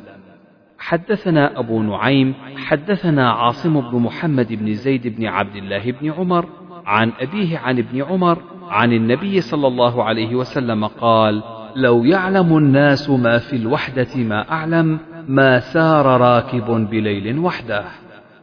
باب السرعة في السير. قال أبو حميد قال النبي صلى الله عليه وسلم إني متعجل إلى المدينة فمن أراد أن يتعجل معي فليعجل. حدثنا محمد بن المثنى.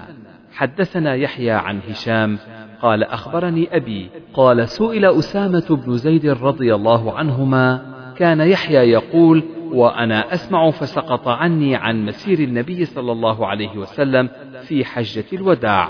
قال فكان يسير العنق فإذا وجد فجوة النص والنص فوق العنق. حدثنا سعيد بن أبي مريم أخبرنا محمد بن جعفر قال أخبرني زيد هو ابن أسلم. عن أبيه قال كنت مع عبد الله بن عمر رضي الله عنهما بطريق مكة فبلغه عن صفية بنت أبي عبيد شدة وجع فأسرع السير حتى إذا كان بعد غروب الشفق ثم نزل فصلى المغرب والعتمة يجمع بينهما وقال إني رأيت النبي صلى الله عليه وسلم إذا جد به السير. أخر المغرب وجمع بينهما. حدثنا عبد الله بن يوسف أخبرنا مالك عن سمي مولى أبي بكر عن أبي صالح عن أبي هريرة رضي الله عنه أن رسول الله صلى الله عليه وسلم قال السفر قطعة من العذاب يمنع أحدكم نومه وطعامه وشرابه فإذا قضى أحدكم نهمته فليعجل إلى أهله. باب إذا حمل على فرس فرآها تباع. حدثنا عبد الله بن يوسف أخبرنا مالك عن نافع عن عبد الله بن عمر رضي الله عنهما أن عمر بن الخطاب حمل على فرس في سبيل الله فوجده يباع فأراد أن يبتاعه فسأل رسول الله صلى الله عليه وسلم فقال لا تبتعه ولا تعد في صدقتك. حدثنا إسماعيل حدثني مالك عن زيد بن أسلم عن أبيه قال سمعت عمر بن الخطاب رضي الله عنه يقول حملت على فرس في سبيل الله فابتاعه أو فأضاعه الذي كان عنده فأردت أن أشتريه وظننت أنه بائعه برخص فسألت النبي صلى الله عليه وسلم فقال لا تشتره وإن بدرهم فإن العائد في هبته. كالكلب يعود في قيئه. باب الجهاد بإذن الأبوين. حدثنا آدم حدثنا شعبة حدثنا حبيب بن أبي ثابت قال سمعت أبا العباس الشاعر وكان لا يتهم في حديثه. قال سمعت عبد الله بن عمرو رضي الله عنهما يقول جاء رجل إلى النبي صلى الله عليه وسلم فاستأذنه في الجهاد فقال أحي والداك؟ قال نعم قال ففيهما فجاهد باب ما قيل في الجرس ونحوه في أعناق الإبل. حدثنا عبد الله بن يوسف أخبرنا مالك عن عبد الله بن أبي بكر عن عباد بن تميم أن أبا بشير الأنصاري رضي الله عنه أخبره أنه كان مع رسول الله صلى الله عليه وسلم في بعض أسفاره. قال عبد الله حسبت أنه قال والناس في مبيتهم فأرسل رسول الله صلى الله عليه وسلم رسولا أن لا يبقين في رقبة بعير قلادة من وتر أو قلادة إلا قطعت. باب من اكتتب في جيش فخرجت امرأته حاجة وكان له عذر هل يؤذن له؟ حدثنا قتيبة بن سعيد حدثنا سفيان عن عمرو عن أبي معبد عن ابن عباس رضي الله عنهما أنه سمع النبي صلى الله عليه وسلم يقول لا يخلون رجل بامرأة ولا تسافرن امرأة إلا ومعها محرم. فقام رجل فقال يا رسول الله اكتتبت في غزوة كذا وكذا وخرجت امرأتي حاجة قال اذهب فحج مع امرأتك.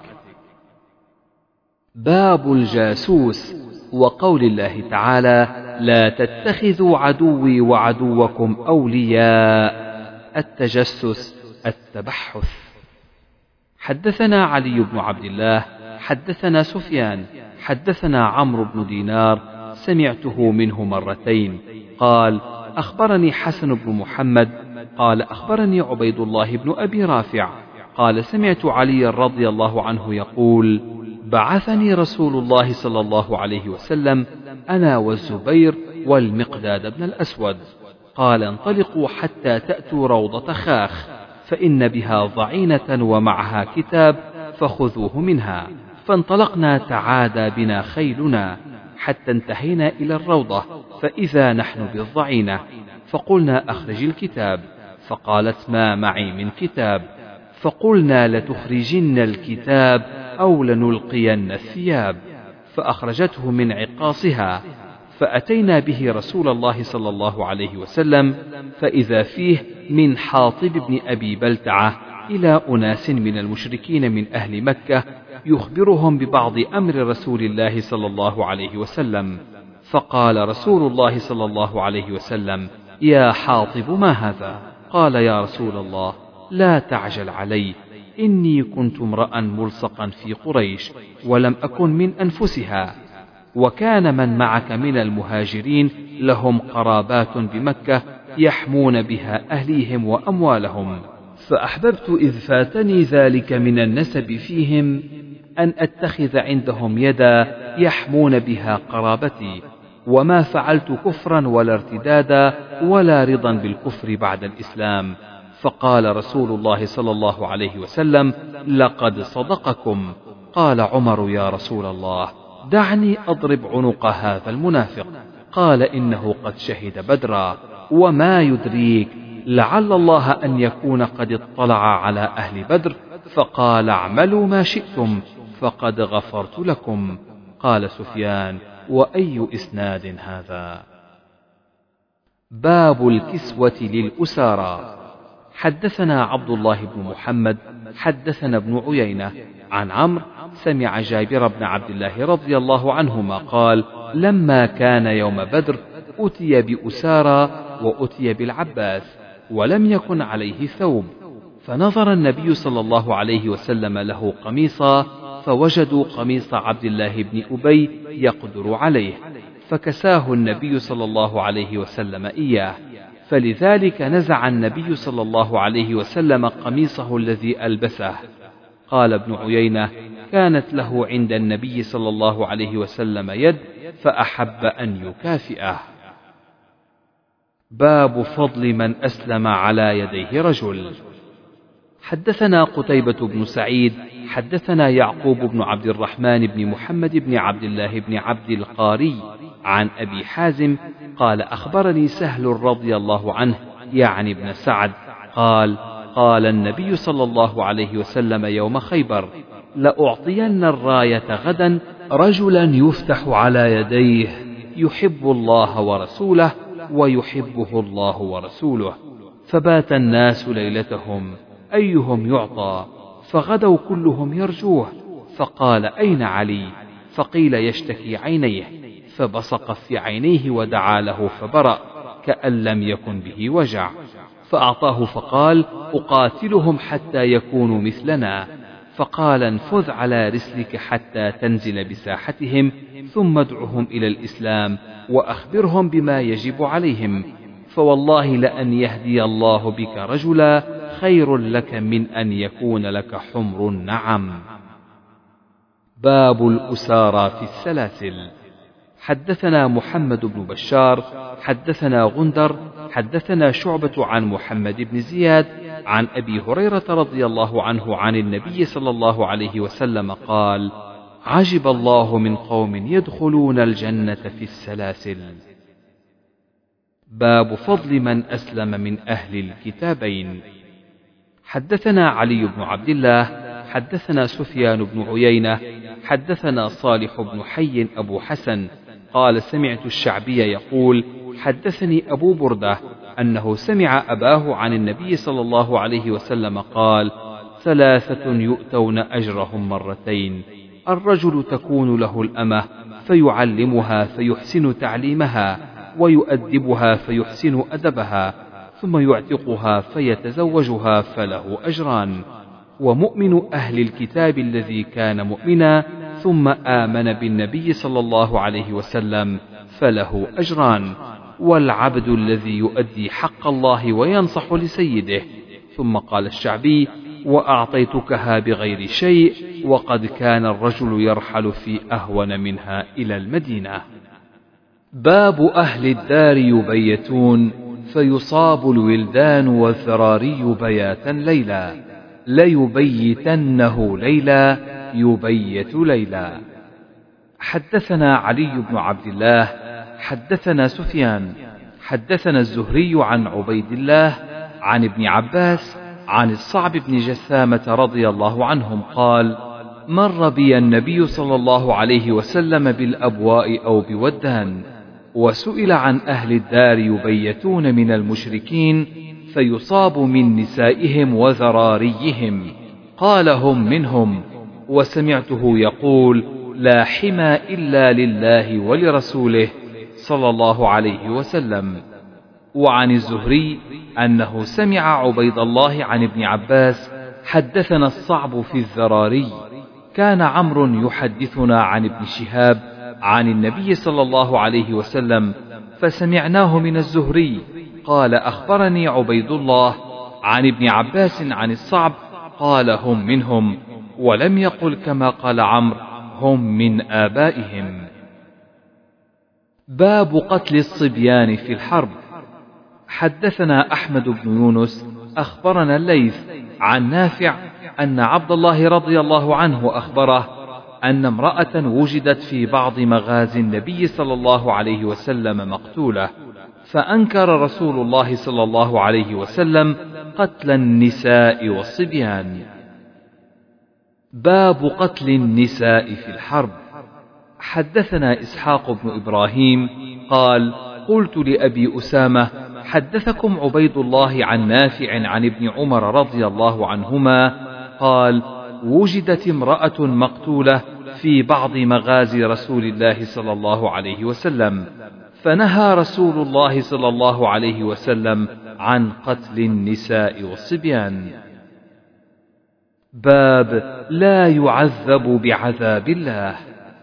حدثنا قتيبة بن سعيد حدثنا الليث عن بكير عن سليمان بن يسار عن أبي هريرة رضي الله عنه أنه قال بعثنا رسول الله صلى الله عليه وسلم في بعث فقال إن وجدتم فلانا وفلانا فأحرقوهما بالنار.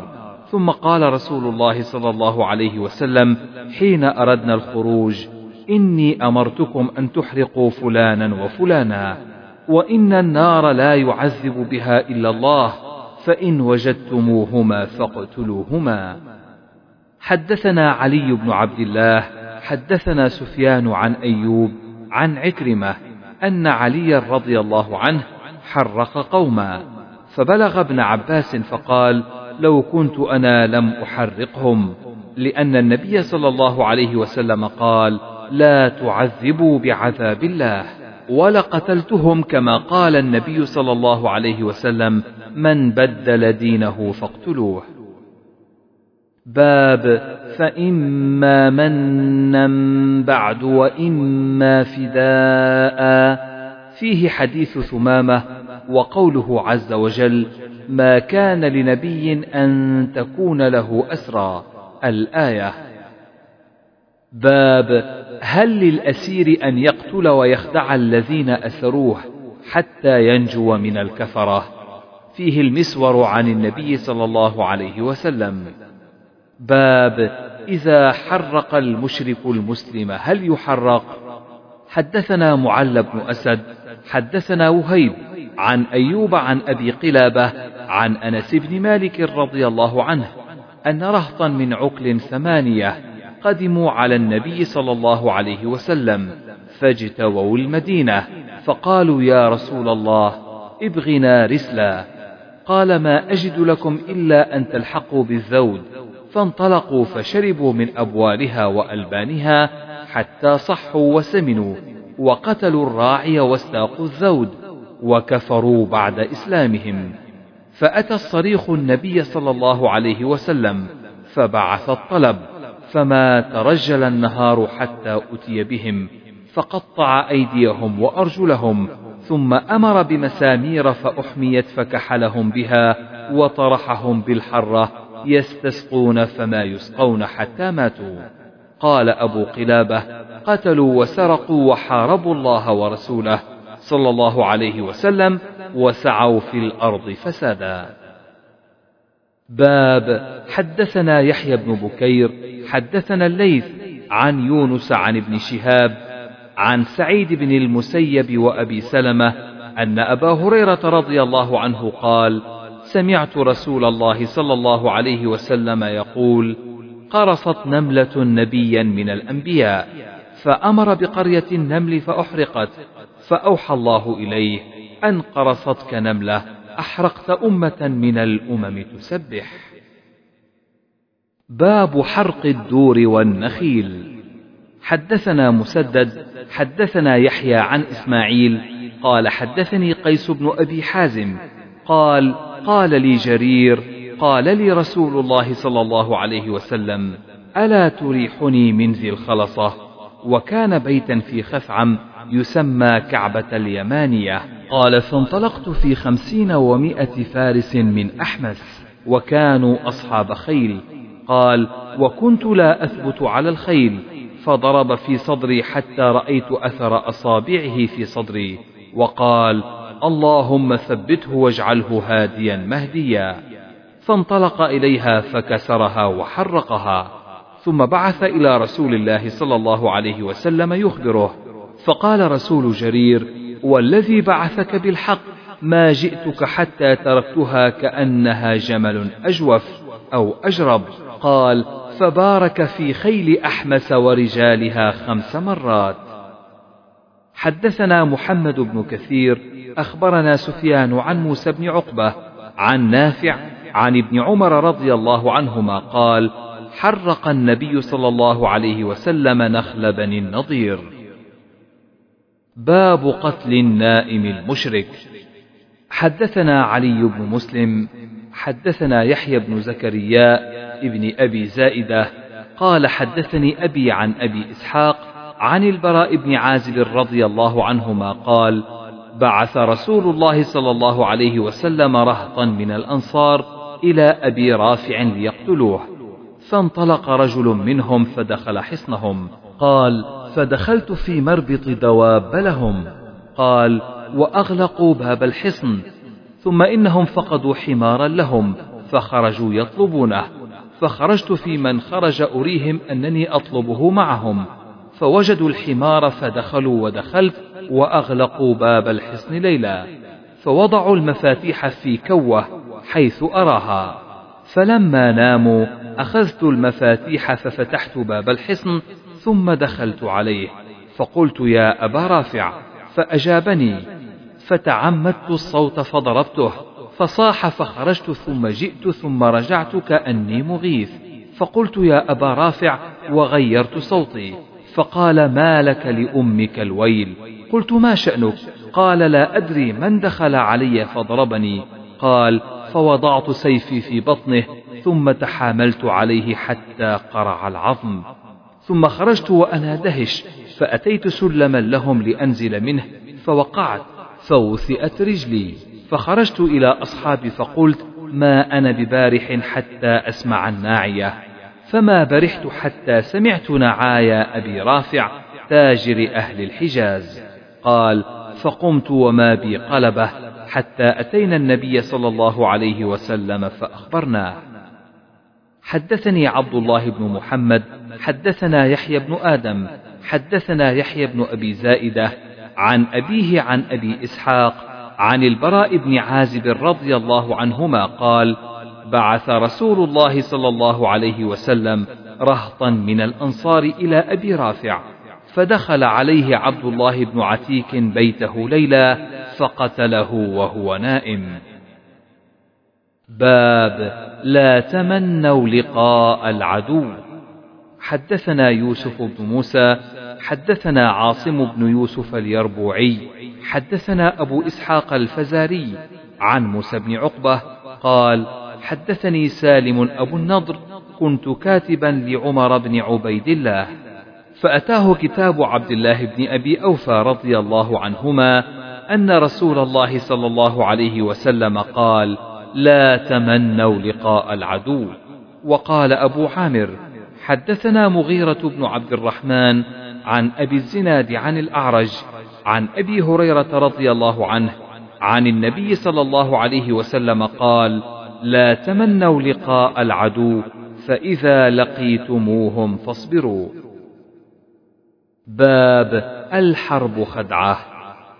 حدثنا عبد الله بن محمد حدثنا عبد الرزاق أخبرنا معمر عن همام عن أبي هريرة رضي الله عنه عن النبي صلى الله عليه وسلم قال هلك كسرى ثم لا يكون كسرى بعده وقيصر ليهلكن ثم لا يكون قيصر بعده ولتقسمن كنوزهما في سبيل الله وسمى الحرب خدعة. حدثنا أبو بكر بن أصرم أخبرنا عبد الله أخبرنا معمر عن همام بن منبه عن أبي هريرة رضي الله عنه قال سمى النبي صلى الله عليه وسلم الحرب خدعة. حدثنا صدقة بن الفضل أخبرنا ابن عيينة عن عمرو سمع جابر بن عبد الله رضي الله عنهما قال قال النبي صلى الله عليه وسلم الحرب خدعة باب الكذب في الحرب حدثنا قتيبة بن سعيد حدثنا سفيان عن عمرو بن دينار عن جابر بن عبد الله رضي الله عنهما أن النبي صلى الله عليه وسلم قال: من لكعب بن الأشرف فإنه قد آذى الله ورسوله. قال محمد بن مسلمة: أتحب أن أقتله يا رسول الله؟ قال: نعم. قال فأتاه فقال: إن هذا يعني النبي صلى الله عليه وسلم قد عنانا وسألنا الصدقة قال وأيضا والله قال فإنا قد اتبعناه فنكره أن ندعه حتى ننظر إلى ما يصير أمره قال فلم يزل يكلمه حتى استمكن منه فقتله باب الفتك بأهل الحرب. حدثني عبد الله بن محمد حدثنا سفيان عن عمرو عن جابر عن النبي صلى الله عليه وسلم قال من لكعب بن الأشرف؟ فقال محمد بن مسلمة أتحب أن أقتله؟ قال نعم. قال فأذن لي فأقول. قال قد فعلت. باب ما يجوز من الاحتيال والحذر مع من يخشى معرته. قال الليث حدثني عقيل عن ابن شهاب عن سالم بن عبد الله عن عبد الله بن عمر رضي الله عنهما أنه قال انطلق رسول الله صلى الله عليه وسلم ومعه أبي بن كعب قبل ابن صياد فحدث به في نخل فلما دخل عليه رسول الله صلى الله عليه وسلم النخل طفق يتقي بجذوع النخل وابن صياد في قطيفة له فيها رمرمة. فرأت أم بن صياد رسول الله صلى الله عليه وسلم فقالت يا صاف هذا محمد. فوثب ابن صياد. فقال رسول الله صلى الله عليه وسلم لو تركته بين باب الرجز في الحرب ورفع الصوت في حفر الخندق. فيه سهل وأنس عن النبي صلى الله عليه وسلم وفيه يزيد عن سلمة. حدثنا مسدد حدثنا أبو الأحوص حدثنا أبو إسحاق عن البراء رضي الله عنه قال رأيت النبي صلى الله عليه وسلم يوم الخندق وهو ينقل التراب حتى وار التراب شعر صدره وكان رجلا كثير الشعر وهو يرتجز برجز عبد الله. اللهم لولا أنت ما اهتدينا ولا تصدقنا ولا صلينا فأنزلا سكينة علينا وثبت الأقدام إن لاقينا إن الأعداء قد بغوا علينا إذا أرادوا فتنة أبينا يرفع بها صوته. باب من لا يثبت على الخيل. حدثني محمد بن عبد الله بن نمير حدثنا ابن إدريس عن إسماعيل عن قيس عن جرير رضي الله عنه قال ما حجبني النبي صلى الله عليه وسلم منذ أسلمت ولا رآني إلا تبسم في وجهي. ولقد شكوت إليه أني لا أثبت على الخيل فضرب بيده في صدري وقال اللهم ثبته واجعله هاديا مهديا. باب دواء الجرح بإحراق الحصير وغسل المرأة عن أبيها الدم عن وجهه وحمل الماء في الترس. حدثنا علي بن عبد الله حدثنا سفيان حدثنا أبو حازم قال سألوا سهل بن سعد الساعدي رضي الله عنه بأي شيء دوي جرح النبي صلى الله عليه وسلم فقال ما بقي من الناس أحد أعلم به مني. كان علي يجيء بالماء في ترسه وكانت يعني فاطمة تغسل الدم عن وجهه وأخذ حصير فأحرق ثم حشي به جرح رسول الله صلى الله عليه وسلم. باب ما يكره من التنازع والاختلاف في الحرب وعقوبة من عصى إمامه. وقال الله تعالى ولا تنازعوا فتفشلوا وتذهب ريحكم قال قتادة الريح الحرب حدثنا يحيى حدثنا وكيع عن شعبة عن سعيد بن أبي بردة عن أبيه عن جده أن النبي صلى الله عليه وسلم بعث معاذا وأبا موسى إلى اليمن. قال يسرا ولا تعسرا وبشرا ولا تنفرا وتطاوعا ولا تختلفا. حدثنا عمرو بن خالد حدثنا زهير حدثنا أبو إسحاق قال سمعت البراء بن عازب رضي الله عنهما يحدث قال جعل النبي صلى الله عليه وسلم على الرجالة يوم أحد وكانوا خمسين رجلا عبد الله بن جبير. فقال إن رأيتمونا تخطفنا الطير فلا تبرحوا مكانكم هذا حتى أرسل إليكم. وإن رأيتمونا هزمنا القوم وأوطأناهم فلا تبرحوا حتى أرسل إليكم. فهزموهم. قال فأنا والله رأيت النساء يشتددن قد بدت خلاخلهن وأسوقهن رافعات ثيابهن. فقال أصحاب عبد الله بن جبير الغنيمة أي قوم الغنيمة ظهر أصحابكم فما تنتظرون؟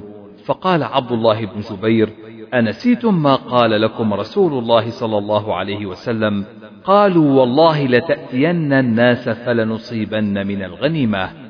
فلما أتوهم صرفت وجوههم فأقبلوا منهزمين. فذاك إذ يدعوهم الرسول في أخراهم فلم يبق مع النبي صلى الله عليه وسلم غير اثني عشر رجلا فأصابوا منا سبعين. وكان النبي صلى الله عليه وسلم وأصحابه أصاب من المشركين يوم بدر أربعين ومائة سبعين أسيرا وسبعين قتيلا. فقال أبو سفيان أفي القوم محمد ثلاث مرات؟ فنهاهم النبي صلى الله عليه وسلم أن يجيبوه. ثم قال أفي القوم ابن أبي قحافة ثلاث مرات؟ ثم قال أفي القوم ابن الخطاب ثلاث مرات؟ ثم رجع إلى أصحابه فقال أما هؤلاء فقد قتلوا. فما ملك عمر نفسه فقال كذبت والله يا عدو الله. إن الذين عددت لأحياء كلهم وقد بقي لك ما يسوءك قال يوم بيوم بدر والحرب سجال إنكم ستجدون في القوم مثلة لم آمر بها ولم تسؤني ثم أخذ يرتجز أعل هبل أعل هبل قال النبي صلى الله عليه وسلم ألا تجيبوا له قالوا يا رسول الله ما نقول قال قولوا الله أعلى وأجل قال إن لنا العزى ولا عزى لكم. فقال النبي صلى الله عليه وسلم ألا تجيبوا له؟ قال قالوا يا رسول الله ما نقول؟ قال قولوا الله مولانا ولا مولى لكم. باب إذا فزعوا بالليل. حدثنا قتيبة بن سعيد حدثنا حماد عن ثابت عن أنس رضي الله عنه قال كان رسول الله صلى الله عليه وسلم أحسن الناس وأجود الناس وأشجع الناس. قال وقد فزع أهل المدينة ليلة. سمعوا صوتا. قال فتلقاهم النبي صلى الله عليه وسلم على فرس لأبي طلحة عري وهو متقلد سيفه. فقال لم تراعوا لم تراعوا. ثم قال رسول الله صلى الله عليه وسلم وجدته بحرا. يعني الفرس. باب من رأى العدو فنادى بأعلى صوته يا صباحاه حتى يسمع الناس. حدثنا المكي بن إبراهيم أخبرنا يزيد بن أبي عبيد عن سلمة أنه أخبره قال خرجت من المدينة ذاهبا نحو الغابة حتى إذا كنت بثنية الغابة لقيني غلام لعبد الرحمن بن عوف. قلت ويحك ما بك. قال أخذت لقاح النبي صلى الله عليه وسلم. قلت من أخذها؟ قال غطفان وفزارة. فصرخت ثلاث صرخات أسمعت ما بين لابتيها. يا صباحاه يا صباحاه. ثم اندفعت حتى ألقاهم وقد أخذوها. فجعلت أرميهم وأقول أنا ابن الأكوع واليوم يوم الرضع. فاستنقذتها منهم قبل أن يشربوا فأقبلت بها أسوقها. فلقيني النبي صلى الله عليه وسلم فقلت يا رسول الله إن القوم عطاش وإني أعجلتهم أن يشربوا سقيهم فابعث في إثرهم. فقال يا ابن الأكوع ملكت فأسجح إن القوم يقرون في قومهم. باب من قال خذها وأنا ابن فلان. وقال سلمة خذها وأنا ابن الأكوع. حدثنا عبيد الله عن إسرائيل عن أبي إسحاق قال سأل رجل البراء رضي الله عنه فقال يا أبا عمارة أوليتم يوم حنين؟ قال البراء وأنا أسمع. أما رسول الله صلى الله عليه وسلم لم يولي يومئذ كان أبو سفيان بن الحارث آخذا بعنان بغلته. فلما غشيه المشركون نزل فجعل يقول أنا النبي لا كذب أنا ابن عبد المطلب. قال فما رؤي من الناس يومئذ أشد منه. باب إذا نزل العدو على حكم رجل. حدثنا سليمان بن حرب حدثنا شعبة عن سعد بن إبراهيم عن أبي أمامة هو ابن سهل بن حنيف. عن أبي سعيد الخدري رضي الله عنه قال لما نزلت بنو قريظة على حكم سعد هو ابن معاذ بعث رسول الله صلى الله عليه وسلم وكان قريبا منه فجاء على حمار فلما دنا قال رسول الله صلى الله عليه وسلم قوموا إلى سيدكم. فجاء فجلس إلى رسول الله صلى الله عليه وسلم.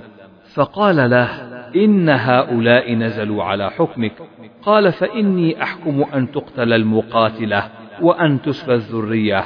قال لقد حكمت فيهم بحكم الملك. باب قتل الأسير وقتل الصبر. حدثنا إسماعيل. قال حدثني مالك عن ابن شهاب عن أنس بن مالك رضي الله عنه. أن رسول الله صلى الله عليه وسلم دخل عام الفتح وعلى رأسه المغفر. فلما نزعه جاء رجل فقال إن ابن خطل متعلق بأستار الكعبة. فقال اقتلوه. باب هل يستأسر الرجل ومن لم يستأسر ومن ركع ركعتين عند القتل؟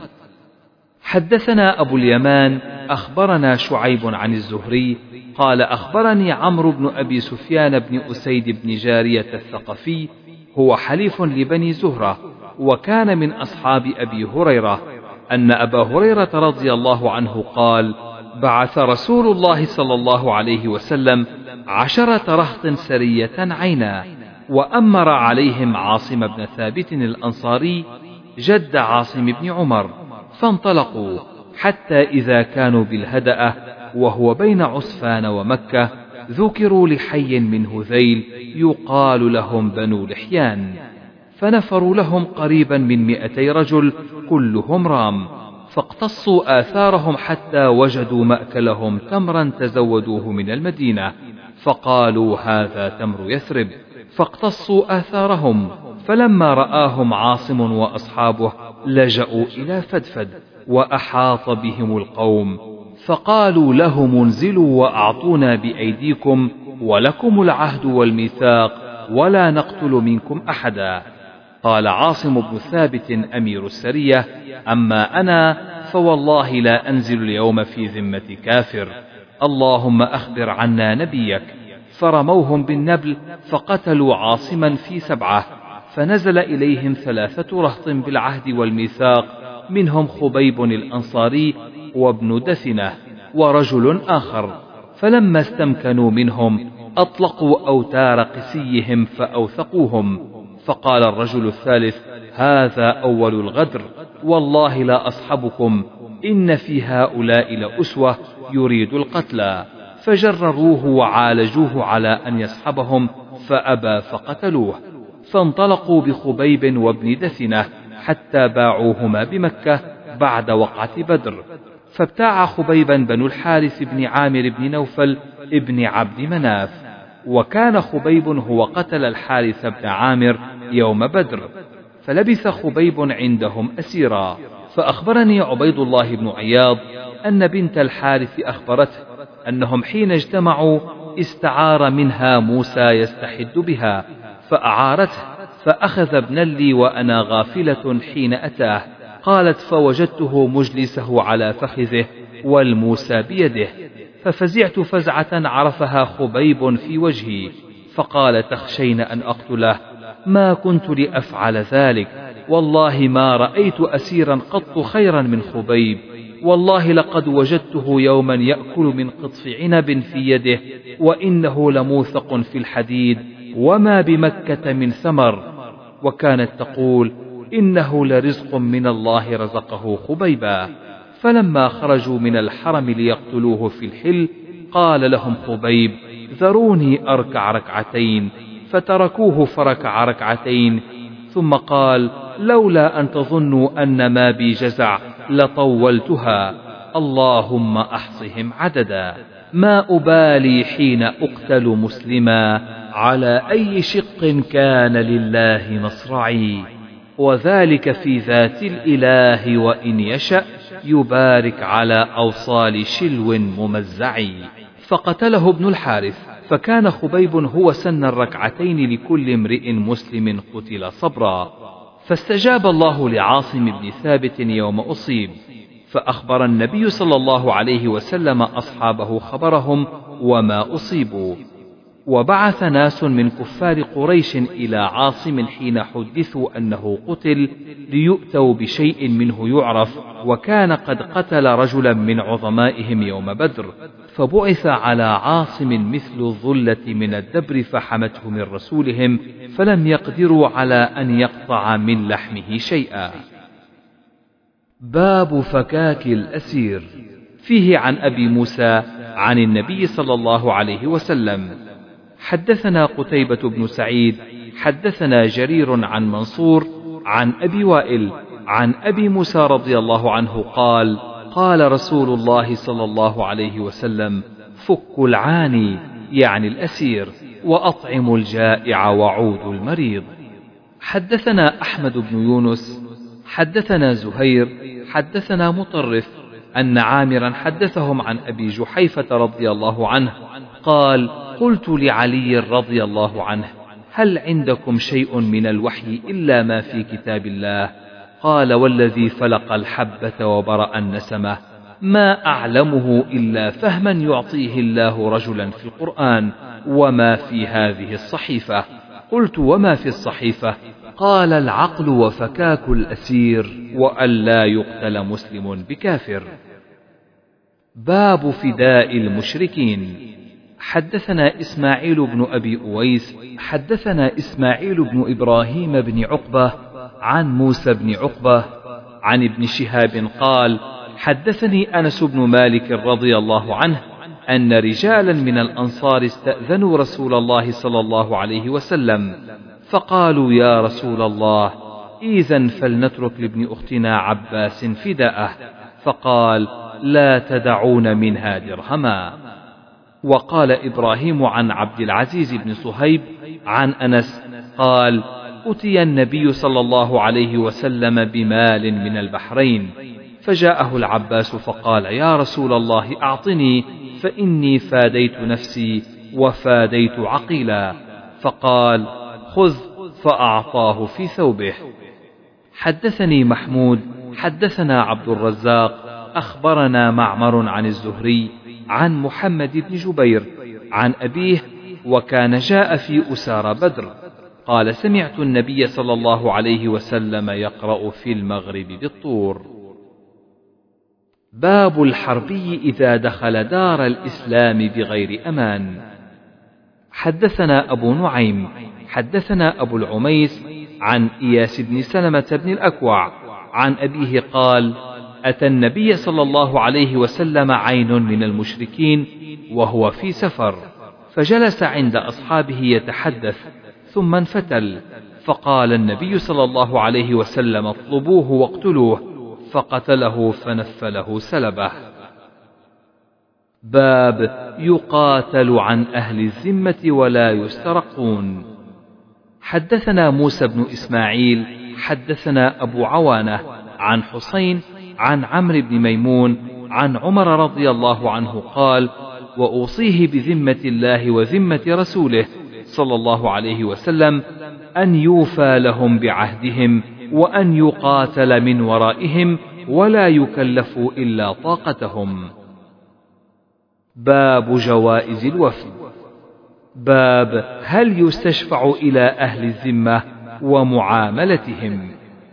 حدثنا قبيصة حدثنا ابن عيينة عن سليمان الأحول عن سعيد بن جبير عن ابن عباس رضي الله عنهما أنه قال يوم الخميس وما يوم الخميس. ثم بكى حتى خضب دمعه الحصباء فقال اشتد برسول الله صلى الله عليه وسلم وجعه يوم الخميس فقال ائتوني بكتاب أكتب لكم كتابا لن تضلوا بعده ابدا فتنازعوا ولا ينبغي عند نبي تنازع. فقالوا هجر رسول الله صلى الله عليه وسلم. قال دعوني فالذي أنا فيه خير مما تدعوني إليه وأوصى عند موته بثلاث اخرجوا المشركين من جزيرة العرب واجيزوا الوفد بنحو ما كنت أجيزهم ونسيت الثالثة. وقال يعقوب بن محمد سألت المغيرة بن عبد الرحمن عن جزيرة العرب فقال مكة والمدينة واليمامة واليمن. وقال يعقوب والعرج أول تهامة. باب التجمل للوفود. حدثنا يحيى بن بكير حدثنا الليث عن عقيل عن ابن شهاب عن سالم بن عبد الله أن ابن عمر رضي الله عنهما قال وجد عمر حلة استبرق تباع في السوق فأتى بها رسول الله صلى الله عليه وسلم فقال يا رسول الله ابتع هذه الحلة فتجمل بها للعيد وللوفود. فقال رسول الله صلى الله عليه وسلم إنما هذه لباس من لا خلاق له أو إنما يلبس هذه من لا خلاق له فلبث ما شاء الله. ثم أرسل إليه النبي صلى الله عليه وسلم بجبة ديباج فأقبل بها عمر حتى أتى بها رسول الله صلى الله عليه وسلم. فقال يا رسول الله قلت إنما هذه لباس من لا خلاق له. أو إنما يلبس هذه من لا خلاق له ثم أرسلت إلي بهذه فقال تبيعها أو تصيب بها بعض حاجتك. باب كيف يعرض الإسلام على الصبي؟ حدثنا عبد الله بن محمد حدثنا هشام أخبرنا معمر عن الزهري أخبرني سالم بن عبد الله عن ابن عمر رضي الله عنهما أنه أخبره أن عمر انطلق في رهط من أصحاب النبي صلى الله عليه وسلم مع النبي صلى الله عليه وسلم قبل ابن صياد حتى وجدوه يلعب مع الغلمان عند أطم بني مغالة وقد قارب يومئذ ابن صياد يحتلم فلم يشعر حتى ضرب النبي صلى الله عليه وسلم ظهره بيده ثم قال النبي صلى الله عليه وسلم أتشهد أني رسول الله؟ صلى الله عليه وسلم فنظر إليه ابن صياد فقال أشهد أنك رسول الأميين. فقال ابن صياد للنبي صلى الله عليه وسلم أتشهد أني رسول الله؟ قال له النبي صلى الله عليه وسلم آمنت بالله ورسله. قال النبي صلى الله عليه وسلم ماذا ترى؟ قال ابن صياد يأتيني صادق وكاذب. قال النبي صلى الله عليه وسلم خلط عليك الأمر. قال النبي صلى الله عليه وسلم إني قد خبأت لك خبيئا. قال ابن صياد هو الدخ. قال النبي صلى الله عليه وسلم اخسأ فلن تعدو قدرك. قال عمر يا رسول الله اذا لي فيه أضرب عنقه. قال النبي صلى الله عليه وسلم إن يكنه فلن تسلط عليه. وإن لم يكنه فلا خير لك في قتله. قال ابن عمر انطلق النبي صلى الله عليه وسلم وأبي بن كعب يأتيان النخل الذي فيه ابن صياد حتى إذا دخل النخل طفق النبي صلى الله عليه وسلم يتقي بجذوع النخل وهو يختل ابن صياد أن يسمع من ابن صياد شيئا قبل أن يراه. وابن صياد مضطجع على فراشه في قطيفة له فيها رمزة.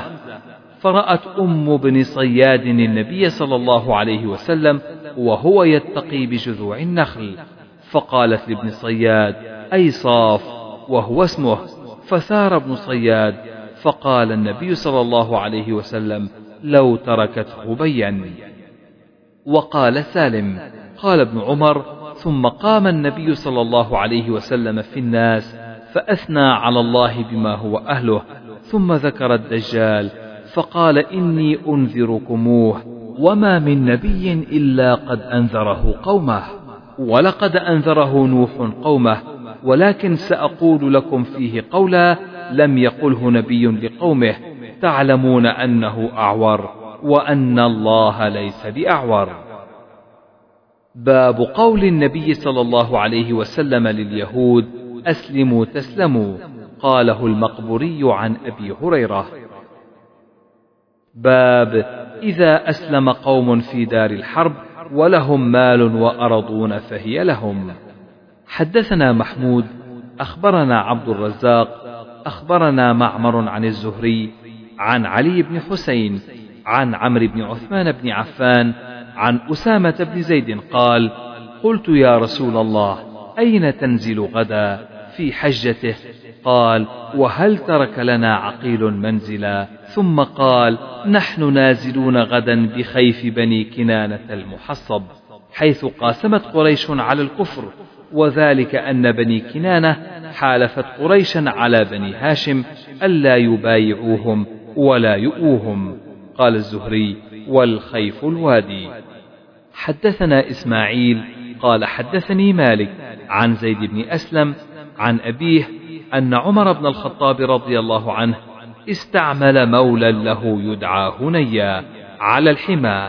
فقال يا هني أضمم جناحك عن المسلمين واتق دعوة المظلوم فإن دعوة المظلوم مستجابة وأدخل رب الصريمة ورب الغنيمة وإياي ونعم بن عوف ونعم بن عفان فإنهما ما إن تهلك ماشيتهما يرجعا إلى نخل وزرع.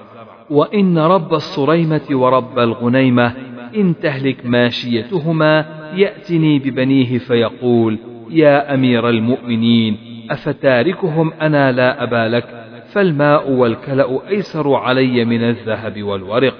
ويم الله إنهم ليرون أني قد ظلمتهم إنها لبلادهم. فقاتلوا عليها في الجاهلية وأسلموا عليها في الإسلام والذي نفسي بيده لولا المال الذي أحمل عليه في سبيل الله ما حميت عليهم من بلادهم شبرا. باب كتابة الإمام الناس. حدثنا محمد بن يوسف حدثنا سفيان عن الأعمش عن أبي وائل عن حذيفة رضي الله عنه قال قال النبي صلى الله عليه وسلم اكتبوا لي من تلفظ بالإسلام من الناس. فكتبنا له ألفا وخمسمائة رجل فقلنا نخاف ونحن ألف وخمسمائة فلقد رأيتنا ابتلينا حتى إن الرجل ليصلي وحده وهو خائف. حدثنا عبدان عن أبي حمزة عن الأعمش فوجدناهم خمسمائة قال أبو معاوية ما بين ستمائة إلى سبعمائة. حدثنا أبو نعيم حدثنا سفيان عن ابن جريج عن عمرو بن دينار عن أبي معبد عن ابن عباس رضي الله عنهما قال جاء رجل إلى النبي صلى الله عليه وسلم فقال يا رسول الله إني كتبت في غزوة كذا وكذا وامرأتي حاجة. قال ارجع فحج مع امرأتك. باب إن الله يؤيد الدين بالرجل الفاجر. حدثنا أبو اليمان أخبرنا شعيب عن الزهري. حا وحدثني محمد بن غيلان. حدثنا عبد الرزاق. أخبرنا معمر عن الزهري عن ابن المسيب عن أبي هريرة رضي الله عنه قال شهدنا مع رسول الله صلى الله عليه وسلم. فقال لرجل ممن يدعي الإسلام هذا من أهل النار. فلما حضر القتال قاتل الرجل قتالا شديدا فأصابته جراحة. فقيل يا رسول الله الذي قلت إنه من أهل النار فإنه قد قاتل اليوم قتالا شديدا وقد مات. فقال النبي صلى الله عليه وسلم إلى النار قال فكاد بعض الناس أن يرتاب فبينما هم على ذلك إذ قيل إنه لم يمت. ولكن به جراحا شديدا. فلما كان من الليل لم يصبر على الجراح فقتل نفسه. فأخبر النبي صلى الله عليه وسلم بذلك فقال الله أكبر أشهد أني عبد الله ورسوله. ثم أمر بلالا فنادى بالناس إنه لا يدخل الجنة إلا نفس مسلمة وإن الله ليؤيد هذا الدين بالرجل الفاجر.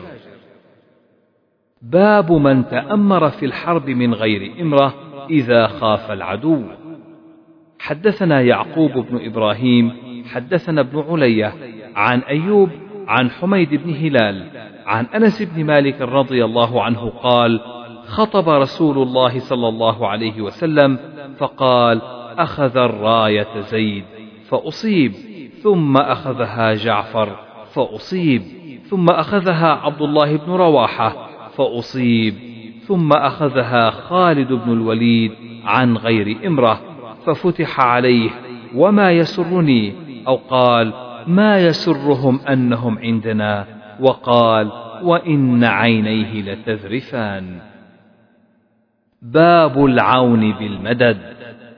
حدثنا محمد بن بشار حدثنا ابن أبي عدي وسهل بن يوسف عن سعيد عن قتادة عن أنس رضي الله عنه أن النبي صلى الله عليه وسلم أتاه رعل وذكوان وعصية وبنو لحيان فزعموا أنهم قد أسلموا واستمدوه على قومهم فأمدهم النبي صلى الله عليه وسلم بسبعين من الأنصار.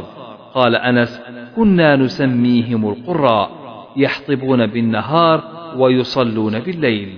فانطلقوا بهم حتى بلغوا بئر معونة غدروا بهم وقتلوهم.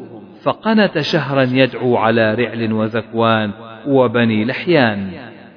قال قتادة وحدثنا أنس أنهم قرأوا بهم قرآنا ألا بلغوا عنا قومنا بأنا قد لقينا ربنا فرضي عنا وأرضانا ثم رفع ذلك بعد. باب من غلب العدو فأقام على عرصتهم ثلاثا. حدثنا محمد بن عبد الرحيم حدثنا روح بن عبادة حدثنا سعيد عن قتادة قال ذكر لنا أنس بن مالك عن أبي طلحة رضي الله عنه عن النبي صلى الله عليه وسلم أنه كان إذا ظهر على قوم أقام بالعرصة ثلاث ليال. تابعه معاذ وعبد الأعلى. حدثنا سعيد عن قتادة عن أنس عن أبي طلحة عن النبي صلى الله عليه وسلم. باب من قسم الغنيمة في غزوه وسفره. وقال رافع كنا مع النبي صلى الله عليه وسلم بذي الحليفة فأصبنا غنما وإبلا فعدل عشرة من الغنم ببعير. حدثنا هدبة بن خالد حدثنا همام عن قتادة أن أنسا أخبره قال اعتبر النبي صلى الله عليه وسلم من الجعرانة حيث قسم غنائم حنين. باب إذا غنم المشركون مال المسلم ثم وجده المسلم. قال ابن نمير حدثنا عبيد الله عن نافع عن ابن عمر رضي الله عنهما قال ذهب فرس له فأخذه العدو. فظهر عليه المسلمون فرد عليه في زمن رسول الله صلى الله عليه وسلم وأبقى عبد له فلحق بالروم فظهر عليهم المسلمون فرده عليه خالد بن الوليد بعد النبي صلى الله عليه وسلم. حدثنا محمد بن بشار حدثنا يحيى عن عبيد الله قال أخبرني نافع أن عبدا لابن عمر أبق فلحق بالروم فظهر عليه خالد بن الوليد فرده على عبد الله وأن فرسا لابن عمر عار فلحق بالروم فظهر عليه فردوه على عبد الله. حدثنا أحمد بن يونس حدثنا زهير عن موسى بن عقبة عن نافع عن ابن عمر رضي الله عنهما أنه كان على فرس يوم لقي المسلمون وأمير المسلمين يومئذ خالد بن الوليد بعثه أبو بكر. فأخذه العدو فلما هزم العدو رد خالد فرسه. باب من تكلم بالفارسية والرطانة وقوله تعالى واختلاف ألسنتكم وألوانكم وما أرسلنا من رسول إلا بلسان قومه. حدثنا عمرو بن علي حدثنا أبو عاصم أخبرنا حنظلة بن أبي سفيان أخبرنا سعيد بن ميناء قال سمعت جابر بن عبد الله رضي الله عنهما قال قلت يا رسول الله ذبحنا بهيمة لنا وطحنت صاعا من شعير فتعال أنت ونفر. فصاح النبي صلى الله عليه وسلم فقال يا أهل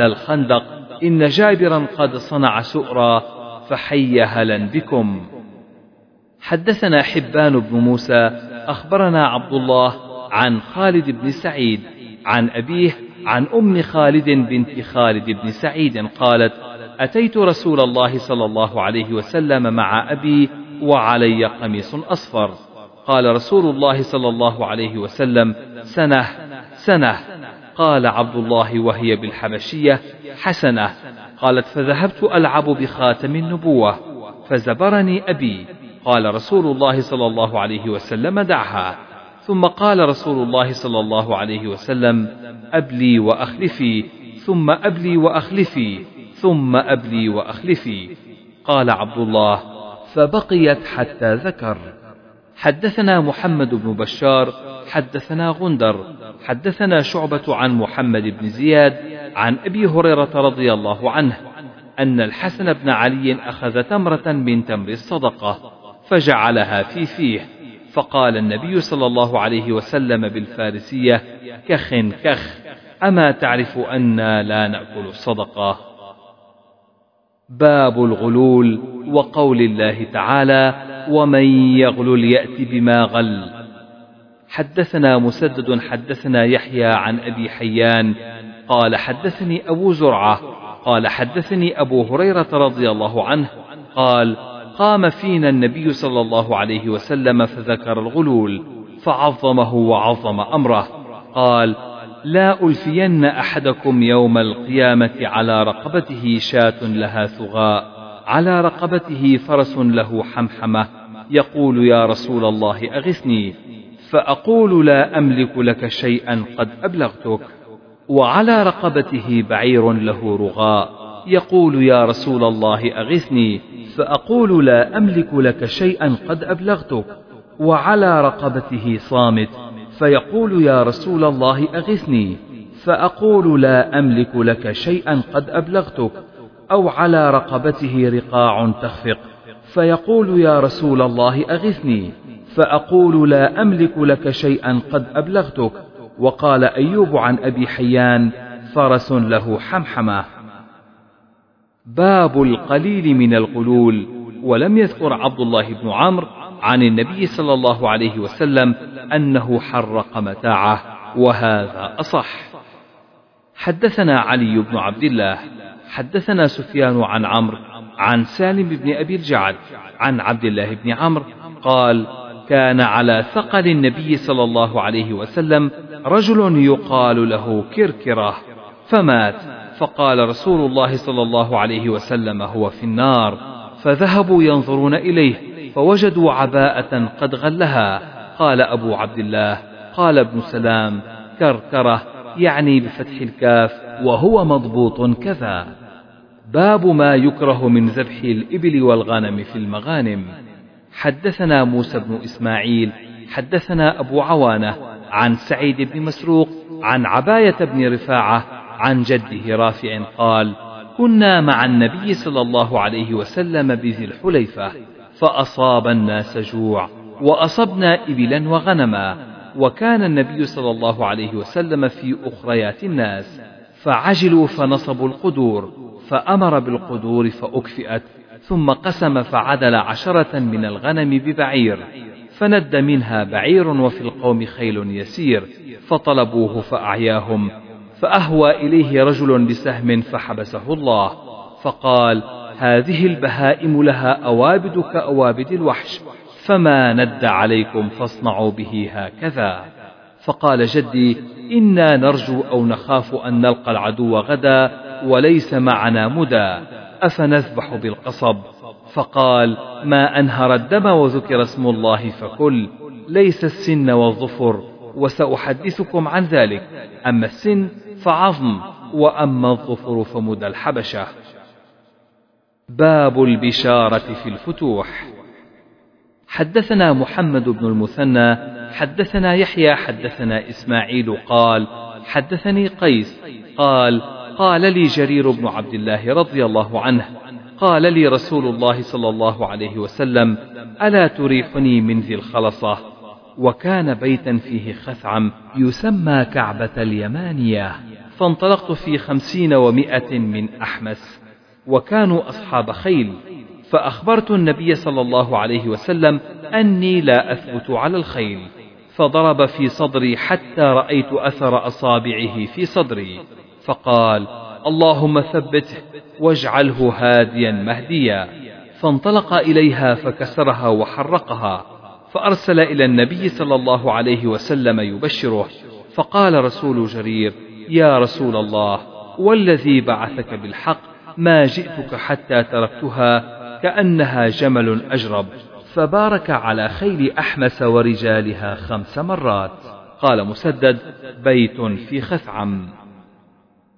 باب ما يعطى البشير وأعطى كعب بن مالك ثوبين حين بشر بالتوبة. باب لا هجرة بعد الفتح.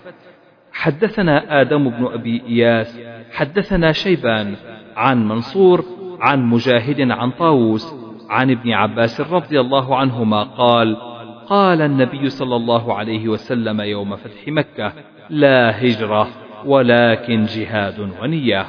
وإذا استنفرتم فانفروا.